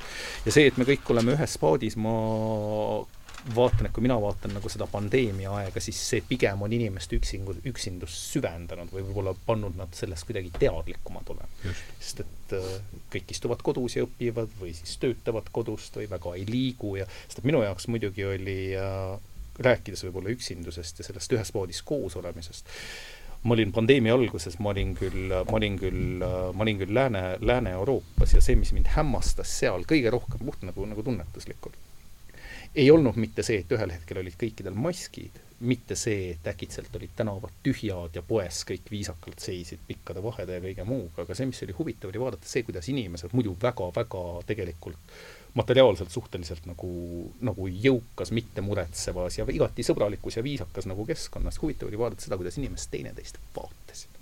lihtsalt tänaval. sest et nad hakkasid nägema teistes inimestes ohtu mm. -hmm. sellepärast, et see, kes sulle vastu tuli või see, kes su kõrval köhatas, nad tegelikult noh, inimesed muutusid palju-palju-palju ettevaatlikumaks. Äh, ja ma kardan, et see, et me oleme ühes paadis koos, äh, on natuke nagu see, nagu see marksistlik eksperiment vale liigiga et ma tahaks väga uskuda, et see niimoodi on. aga ma kardan, et, äh, aga ma kardan, et äh, me ei ole tingimata selles paadis kõik üheskoos ja selle kohta on, on vist kas Ben Elton on kirjutanud väga naljaka raamatu kaheksakümnendatel, mille nimi on vist Spark, mis räägib, mis räägib sellest, kuidas, kuidas teatud grupp inimesi saab teada, et maailma keskkonnakatastroof on palju tõsisem, kui, kui see välja paistab ja hakkavad kusagil Austraalia kõrbes ehitama kosmoselaeva, mis viiksid ära orbiidile ja alustaks mis ta on, Spark või? Spark vist, jah. sade? jah, ta on, ta on ülinaljakas raamat uh, aga noh, tulemus ongi see, et, et, et need, kes maa peale jäävad, hukkuvad aeglaselt ja koledalt, aga ka need, kes orbiidile lähevad, ühel hetkel, ühel hetkel oma üksinduses lihtsalt lasevad oma kapslit kosmoselaevast välja selleks, et, selleks, et sellele, sellele õudusele lõpp teha. et ma olen, ma, ma olen tegelikult, ma olen nagu üsna pessimistlikult meelestatud, aga, aga häda on selles, et, et jälle, Dostojevski üks nendest teemadest, eks, mis on äh, mis on võib-olla tõepärasus, on see, et ma ei ole kindel, et, äh, et ilma endale veenvalt valetamata on tegelikult väga mugav või hea või kuidagi nagu, nagu lihtsalt psühholoogiliselt terve, terve elada. ja see on nagu järje, järjekordne, eks seesama veel üks vastand. mis see siis on, et kas pigem nagu mõelda välja enda jaoks asju, mis ei pruugi tingimata olla tõesed selleks, et eluga toime tulla, või vaadata sellele karmile reaalsusele, nagu Dostojevskist välja tuleb, noh, suures inkvisiitoris nagu eelkõige, eks, otse silma ja öelda, et meie nagu inimlik konditsioon on suhteliselt näru. no enesele valetamine on Dostojevskil üks noh, leitmotiive täiesti, eks ju, kui hästi inimesed oskavad seda teha ja ja samas, kui teadlikud nad sellest tihti on, et nad valetavad, aga valetavad sellegipoolest ja ja, ja, ja see valetamine ei ole tiht-, ei ole üldse tihti selline, et sa esitad endale vale väite vaid just sa lased mingist esteetilis-, kehalis-, emotsionaalsest asjast ennast kaasa vedada. aga samas see mõistuse, see reflektsioonisäde sul kogu aeg piriseb kõrvas, eks ju, selles mõttes päris hästi rahu ka ei saa, et noorena sa veel võid teha ofeeliliku enesetapu, aga põrandaalusel tuleb juba noh, iroonia meel tuleb peale, naerab välja selle. et ta ütleb, ta ei saa mitte midagi puhast, puhast teha. ta ei saa tunda puhast raevu ega puhast vaimustust, sest reflektsioon alati lammutab selle ära, seletab, see on see eneseteadvuse söövitav toime. ja, ja kui üksindu-, üksi, noh, üksindusest rääkida, ma lugesin hiljuti ühte väga head raamatut, tõesti vaimustav raamat, äh, Bessel van der Kolki eh, Keha peab arvet, oli ta eestikeelse tõlke pealkiri vist, body, body keeps counting on vist inglise keeles või midagi niisugust. ja ta räägib seal, ta on traumapsühholoog ja ta räägib inimeste traumadest, et noh, seal ka, noh, traumade puhul mõistus ei aita ja ei aita ka niisugune freudistlik psühhoteraapiline valgustamine, et sa, sa saad teada oma traumast, vaid äh, traumade kohu, puhul on äh, keha vaja maha rahustada, su kehal on mingid häiresüsteemid sisse jäänud, äh, noh näiteks AA teraapiarühma, anonüümsete alkohoolikute teraapiarühma tõob ta ühe näitena välja, ta toob välja näiteks massaaži mõndadel juhtudel, et kuna inimene on väga sotsiaalne loom ja kui me vaatame teisi primaate, siis äh, mingi õnnetuse või, või häda või noh, kukub puu otsast alla või kes iganes äh, ahvikesega võib juhtuda, siis äh, ja, ja ta toob välja ka, et inimestel on esma, esmane instinkt otsida lähedase inimesega, sotsiaalse kaaslasega kontakti. et see on meie esmane instinkt ja see nagu tõepoolest toimib ja leevendab. see rahustab meie keha maha, kuna meie keha on sotsiaalsem kui meie kupli all toimub, toimuv asi ja tänapäeva pandeemia on selles mõttes üllatav, et siin annab nagu mõistus hästi tugeva ehitussignaali, et sa pead just eralduma et selle, selle psühholoogilised mõjud on äh, selles mõttes väga rängad. just, et tulevad siin praegu tiiruga tagasi, ma arvan. ja... no nad tulevad sealt tagasi ja siis noh, see hullumiseni desinfitseerimine paneb meie immuunsüsteemi kaarega pantsu. sest kui äh, liiga steriilses keskkonnas hakkavad igasugused autoimmuunhaigused ja kui seda mis mölla, mis möllasid juba enne. mis möllasid juba ennem ja võtsid järjest rohkem tuure üles, et me paneme oma mikrobioomile ilge põntsu sellega, lihtsalt kui me kogu aeg kõiki asju täiesti steriilselt manustame, et äh, mina näiteks ei ole ühe, ühe, ühtegi desovahendit näppinud ja laps, laps elab ka ilusti räpa, räpase põrsana ja on hästi hea tervise juures. Äh, sest kui immuunsüsteem ei treeni, siis mikrobioom vaesub, ja, ja, ja enamik meie neurotransmittereid, kusjuures sünteesitakse maos, ja kui sul on mikrobioom tuksis, siis on noh, depressioon, ülekaal, igasugused niisugused asjad, need jälle omakorda võimenduvad. selles mõttes, et siit tuleb üks väga vinge tagasilöök, tuleb sellest pandeemiast, just selle meditsiinilistest see tohutu minu arust see steriilsuse taotlus on siin üks niisugused, mida me näeme noh, nii mõtlemises, kõik see minu arust see tohutu poliitkorrektsus, see on üks niisuguse Äh, vaimu vallas minu arust üks niisugune steriilsuse äh, ja nüüd see pidev äh, käte ja käte puhul no see, see hüsteeri-, hüsteeriline käte pesemine on minu meelest, need kõik haakuvad selle tohutu noh, selle püüdlusega, et saavutame olukorra, kus ei ole enam ühtegi ühtegi batsilli maailma, meie, meie, meie kontrolli all on maailm, jah, mis on bioloogiline tahad kindlasti vastu vaielda, ma eeldan? ei, ma ei taha, ma ei taha üldse vastu vaielda, selles mõttes, et ma, et ma, ma olen noh, ise, ise kõvasti muutunud viimase kümne aasta jooksul ikkagi suhteliselt nagu väga, väga optimistlikust nagu inimesest tegelikult palju nagu kõhklevamaks või noh, mitte isegi jah, kahtlevamaks äh, aga mis aga, aga mis me siin ikka nüüd istume? Ja noh, tead nagu, nagu kolm vana või vananevat meest ja räägime selle üle, kuidas, kuidas kõik on hukas ja midagi ei toimi. kas te oskate kirjeldada optimistlikku stsenaariumi Opt-, ei, mitte, mitte suurele maailmale optimistlikku stsenaariumi, aga iseenesest äh, nagu Bessel van der Kolk ja sellised ütlevad, et et kui sa oma mõistust maha ei rahusta, rahustada ei saa, alusta kehast, rahusta oma keha maha iseenesest Sheldrake'i vaimsed harjutused on kõik keha maha rahustusharjutused. no aga nüüd hakkab selgeks saama, miks, miks on, miks kõik eufooriliselt jääsuplemisega tegelevad siin viimase aasta aja jooksul. rahustad oma, oma keha maha, kehal on hea olla ja see, siis on, siis on nagu kõik asjad märk, märksa okeimad. see, sest mis, mis meie ühiskonnaga või tsivilisatsiooniga tervikuna on hakanud juhtuma, on, see hakkab ka oma surelikkusest teadlikumaks saama noh, mul on Andreasele väga lihtne vastus optimistlikkusest, kui ma mõtlen selle peale, et me et noh, kaheksa aastat tagasi ma ei oleks äh, isegi osanud äh, noh, sellist võimalust, et elu võib praegu näha, ma räägin enda seisukohast, et elu võiks näha selline, nagu ta mul praegu välja näeb, ma, sellist ei olnud isegi noh, ma ei osanud seda ette kujutada ja see on ainukene ja see on tõtt-öelda ka mul ainuke lootus selle suure Äh, pildi jaoks praegu, et kui eba... see on, kui see, mis oli, tundus täiesti mõeldamatu, on praegu võimalik, siis see aga et mismoodi see välja saab nägema, selle ma arvan, sellest, seda ei tea mitte keegi.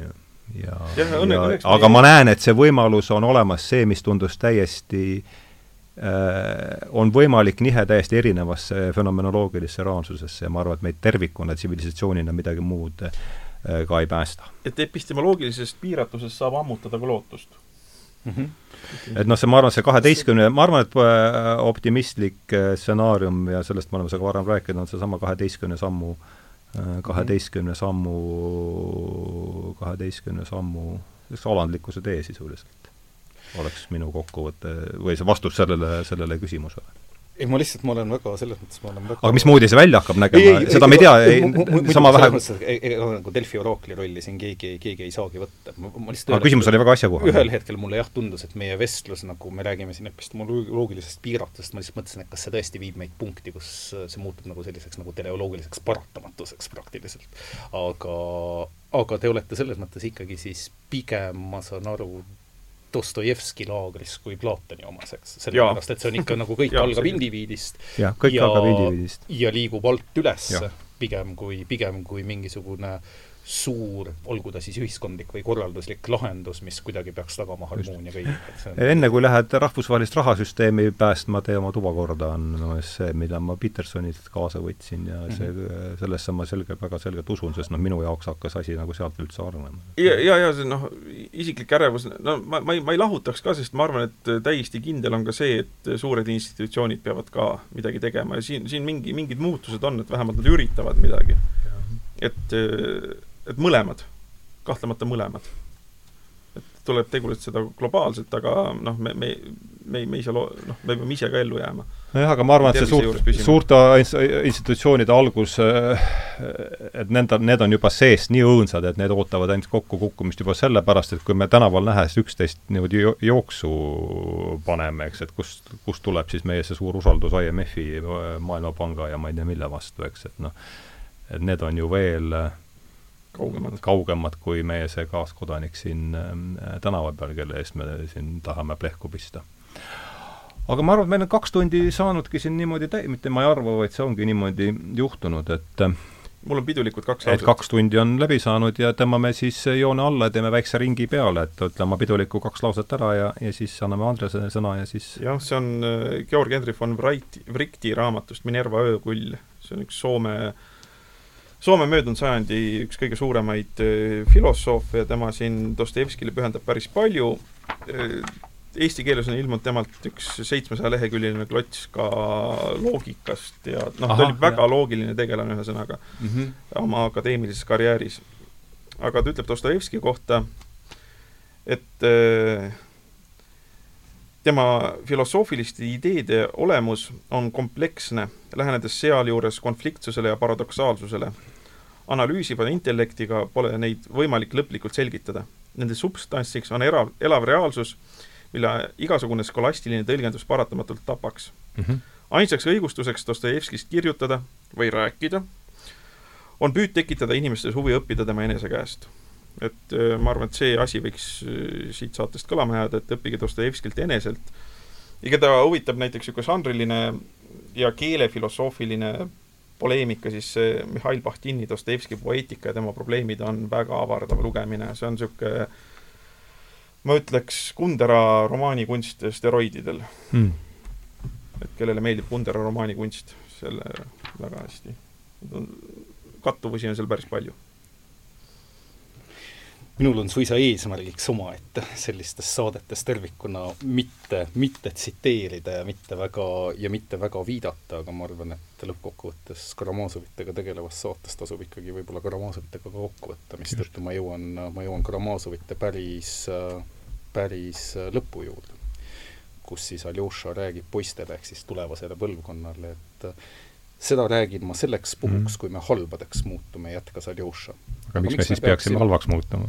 aga miks me peaksime halbadeks muutuma, eks ju, sõbrad? olgem mhm. esiteks ja kõigepealt head, siis ausad ja siis ärgem unustagem iial üksteist. seda kordan ma jälle. ma annan teile omalt poolt sõna, sõbrad, et mina ei unusta kedagi teie hulgast. iga nägu, mis praegu minu poole vaatab, jääb mulle meelde kas või kolmekümneks aastaks. ja siis kõige viimasena ah, poisid, mu armsad sõbrad, ärge kartke elu. kui tore on elu, kui teed midagi head ja õiglast. see on ilus mõte, millega ilus mõte. lõpetada ja ja täna teid tulemast, et oleme siis äh, kevadhooajale jälle hoo sisse lükanud ja ja plaan on ikkagi Karamazovite juurde tagasi tulla ja vaadata seda järgmine kord siis ja ühtlasi siis rääkida sellel, selle kõrval ka lääne mõtte ajaloost ja ja ma olen tõesti väga tänulik teile, et te tulite äh, saatesse, aitäh, Riko, sulle puldis ja, ja kõigile neile, kes on selle sarja teinud võimalikuks ja soovin teile head päeva jätku! lugege Karamazovaid! jah